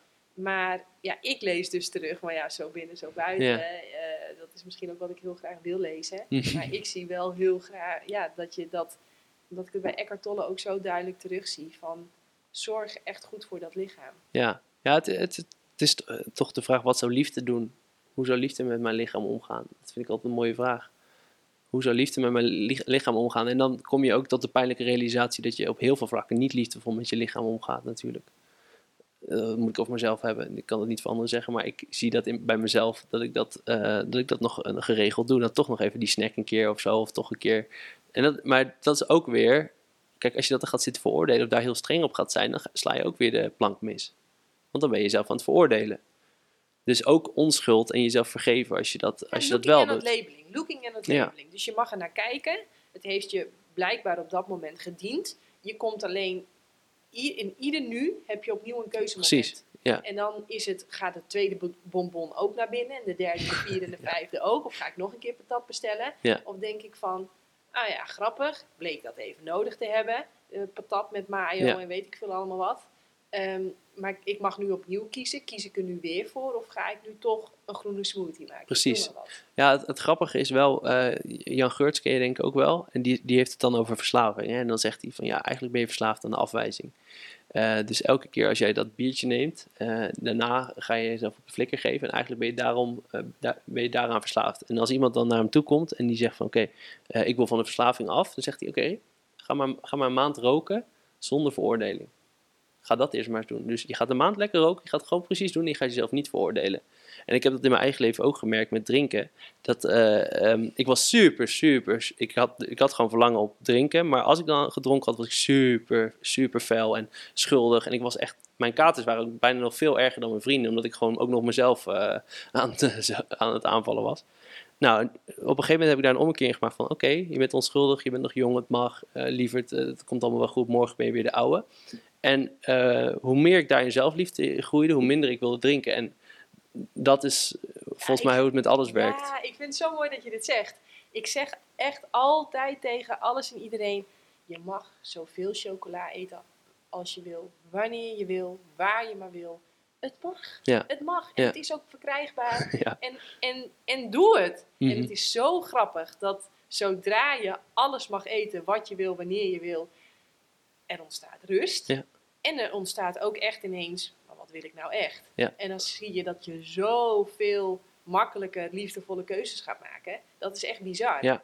Maar het klopt, het, eh, zodra je iets niet mag en er komen restricties en eh, het moet zo en bla bla bla bla bla. Het lijkt ook wel alsof het een verboden vrucht is. Ja, Het is echt heel interessant. Maar ja, ik vind het heel mooi dat je dat zegt. Gewoon, ja en, en dat, dat zijn dan ook die overtuigingen die, eh, oké, dus ik ben een slecht persoon en dan als ik dan gedronken heb, dan word je weer getriggerd en ik ben slecht. Dus het is ook altijd, je kan ook letterlijk zes stappen doen op eh, als je iets hebt gegeten of als je iets hebt gedronken. En als je daarna een emotie voelt, bijvoorbeeld schuld of schaamte, dan zul je zien dat daar ook weer een overtuiging onder, onder ligt. Dus als je die overtuiging hield, dan hoef je waarschijnlijk dat gedrag ook niet meer te vertonen. Net als dat een dief, eh, die voelt zich schuldig diep van binnen, die gaat stelen, zodat hij daarna straf krijgt en eh, zijn zelfbeeld bevestigd krijgt dat hij slecht is. Dus dat, dat is ook met, met, eh, met eten zo. Met alles zo. Ja. Hebben we nog meer spiritual bypasses? Oeh. Ja, weer eentje uit de eigen, uit de eigen ervaring. Ehm, heel veel in het hoofd en dan met de mind alles proberen op te lossen en niet voelen. Dus oké, nee, ik heb het al vergeven. En dan ondertussen dan toch nog emoties voelen of toch nog Ah, ja. eh, pijn. Of, eh, en ehm, ja, dat... eh, Wat ik nog wel als veel voorkomende is dat iemand gaat keihard over je grens de hele Ja, tijd. oh ja. En dan, ja, maar het ligt aan mij. hmm, En ik moet gewoon zen zijn. Ik mag hier geen oordeel over hebben. Ja. Ik, ik ben daar dus totaal niet van. ik ook Als- niet. Nee, nee. Dan denk ik gewoon, hallo, volgens mij moet je hier, hier liefdevol heel duidelijk een grens aan geven. Voor de ander, voor jezelf. Spreek je uit. Ja. En eh, zeg, ja, en ben heel duidelijk. En ga, hè, zachte, zachte heelmeester, stinkende wonden, Ja. denk ik dan altijd Ja, ja, ja. Eh, maar volgens mij is dat ook echt een spiritual bypass waar we... Ja, je moet, je moet overal in vrede mee zijn wat je overkomt. Maar eh, kijk, als, jij, als iemand over je grenzen heen gaat en ehm, ja, jij hebt de overtuiging bijvoorbeeld, ik ben niet belangrijk, dan ga je niet je grenzen aangeven. Dus het is juist spiritueel als je wel je grenzen aangeeft, want dan zeg je tegen jezelf, ik ben wel belangrijk. Dus het is een soort van demonstratie van je eigen liefdevolle waarheid. Ja, ja, absoluut, Ja. absoluut. Die voel ik echt heel erg. Ja, ja, ja. Maar blijkbaar heb ik de overtuiging dat ik heel belangrijk ben. nou ja, dat is fijn toch? Ja, ja. ja, want dan denk ik echt, spreek je uit. En, Ja, en voor, voor mij is dat ook moeilijk geweest, ja. Om, eh, om me uit te spreken. En nog steeds vind ik het moeilijk als ik dan bijvoorbeeld word uitgenodigd voor, voor, voor iets of zo. En ik voel hem niet. Om dan toch te zeggen, nee, ik heb, ik heb er geen zin in. ja, is het de plea, eh, pleased Ja, ja, ja. Wil je daar iets meer? Want ik denk dat dat bijna trauma is. Dat, eh, Ja, dat, dat is, ik, ik ben er steeds maar aan het ontleden. En ehm, de overtuiging ben het niet waard. Als je, die, als, je die, als je die echt diep gelooft, dan ben je het dus ook niet waard om voor je behoefte uit te komen en je grenzen uit te, te komen. En ehm, je- wat, wat we vaak denken is dan, oké, als ik echt eh, eerlijk ben en voor mijn behoefte uitkom, dan verlies ik verbinding. Dan verlies ik eh, liefde, want dan, Ja. gaan, dan gaan mensen bij me weg. Ja. Ja, dat, dat ligt er dan aan ten grondslag. Ja. En eh, dat moet, is ook weer helemaal een weg terug naar dan toch wel nee zeggen. En toch wel je grens aangeven. En toch wel. En voor jezelf ervaren staan. dat mensen dan je heel erg gaan waarderen. Ja. Want ze komen met je echte, echte, echte authentieke zelf in aanraking. En dat is bevrijdend. 100%. Ja. Ja. En ook voor jezelf. Want dan je, verwacht eh, afwijzing. En, en er komt eigenlijk alleen maar liefde. Ja. Ik, ik had een vriend en die, eh, die woont heel ver weg. En die, dat is twee uur rijden. En die gaf een housewarming. En ik zei tegen hem van ja, sorry, ik, ik voel het gewoon niet. Vier uur, dat, ik, ik zit er gewoon eigenlijk tegenop. Zei oh, dat maakt helemaal niet uit. En je, ik heb een logeerkamer, dan kom je gewoon op een rustig moment lekker zelf. Toen dacht ik, oh, dit is een veel beter plan. Die past veel beter bij mij. Maar als ik dat niet had uitgesproken naar het feest was gegaan, dan, eh, ja, dan had ik alleen mezelf ermee. En hem, want ik ben ook niet eens authentiek. Ja. Ik leef dan niet eens oprecht. ja, mooi, mooi. Ja. Ehm, ja, en dan denk ik dat we moeten eindigen met vergeving. Want Ja. dat is uiteindelijk altijd. En ik had hier nog opgeschreven van ehm, eh, hoe, ja, vergeven, wat is het? Eh, want vergeven is volgens mij niet goed praten. Nee. Vergeven is, wat, ja, wat, wat is vergeven? Ja, En waarom ja. is dat het, het, het sluitstuk? Ja, de, de, de grootste eh, misvatting is denk ik dat ver- vergeving gelijk staat aan verzoenen. Dus vergeven, je, je gaat je eigen pijn, ga je, ga je eigenlijk schoonmaken. Dus vergeven is naar binnen kijken en je hebt daar allemaal oordelen, je hebt daar allemaal haat. En daar neem je verantwoordelijkheid voor en daar ga je een andere keuze in maken. Dat is eigenlijk wat vergeven is, zodat jouw bril weer eh, ja, licht wordt. Maar het is niet zo dat, wat zei je? Ja, schoon of licht, ja. ja. Ehm, maar het is niet zo dat je daarna met die persoon die je vergeven hebt, dat je daarna weer koffie moet drinken. Dat, dat, dat hoeft niet. Maar het is meer dat je toch de, de onschuld weer in een ander kan zien, ongeacht wat er gebeurd is. Omdat als je dat niet kan, dan zijn al die oordelen en alle kritiek die je, die je hebt, ehm, die zit in jouw geest en die maken jou ziek en die kunnen jou eh, naar beneden halen. En hoe kun je bij jezelf, hoe kun je bij jezelf checken dat je echt vergeven hebt? Jezelf en de ander? Ja, ik vind altijd, voor mij is dat een goede test als je gewoon aan die persoon denkt, wat gebeurt er dan? Dat is eigenlijk al genoeg. En dan voel je dan rust of voel je uh, samentrekking en, uh, en irritatie of andere emoties. En dan kun je bijvoorbeeld dit, dit, deze methode doen. Een zes stappen kan je erop doen. Of ja, ik, ik, gebruik ook de, de manier van Willem Glaudemans. En dat is gewoon al je verwijten opschrijven. En daaronder het verlangen. Dus, dus, waar we het net aan het begin ook al over hadden. Van ja, jij bent bij me weggegaan. Ik had liever gehad dat je bij me was gebleven. En dat dan nog één keer uitspreken en daarna ook loslaten. Daar is het ook klaar, het verhaal. Met jezelf ook afspreken. Het is nu ook klaar dan. We hebben er genoeg mee gelopen. Um, want dat is ook de tweede misvatting, denk ik. Dat oké, als we dat verhaal maar lang genoeg vasthouden en onze geest um, uh, laten recyclen, dan hebben we de ander ermee. nou ja, dat is dus niet zo. Die ander weet helemaal niet wat jij denkt. Mooi. Dus ja, vergeving is in die zin het slotstuk, omdat het je gewoon bevrijdt en je bent daarna gewoon klaar met een bepaald thema of met oordelen. En er komt energie vrij, er komt fysieke energie vrij. Uh, je kan zelfs inzichten krijgen. Uh, je kunt anderen behulpzaam zijn, want jij bent door een thema heen gegaan waar anderen misschien nog tegenaan lopen. Dus het is, alle opzichten is positief. Mooi. Mooi. Mag ik jou heel erg bedanken? Ja, mag ik jou heel erg bedanken voor de tijd en aandacht. Zeker. Fijn. Leuk. Leuk. Jij ook heel erg bedankt voor het kijken of het luisteren. Vind je dit werk gaaf? Deel het volop op je social media. Je mag ook naar jannekevandermeulen.nl gaan en dan zoeken naar de knop doneren. En zo een bijdrage doen. Jannekevandermeulen.nl is ook de enige plek waar je het boek De Eiwitleugen kunt vinden. In het eerste deel gaan we heel erg in op fysieke gezondheid. Maar in het tweede deel van het boek gaan we heel erg in op mentale gezondheid. Wat misschien nog wel veel belangrijker is. Het maakt in ieder geval fysieke gezondheid ineens een heel stuk makkelijker. Dat is mijn ervaring. Dus uh, heel graag tot de volgende keer. Doei!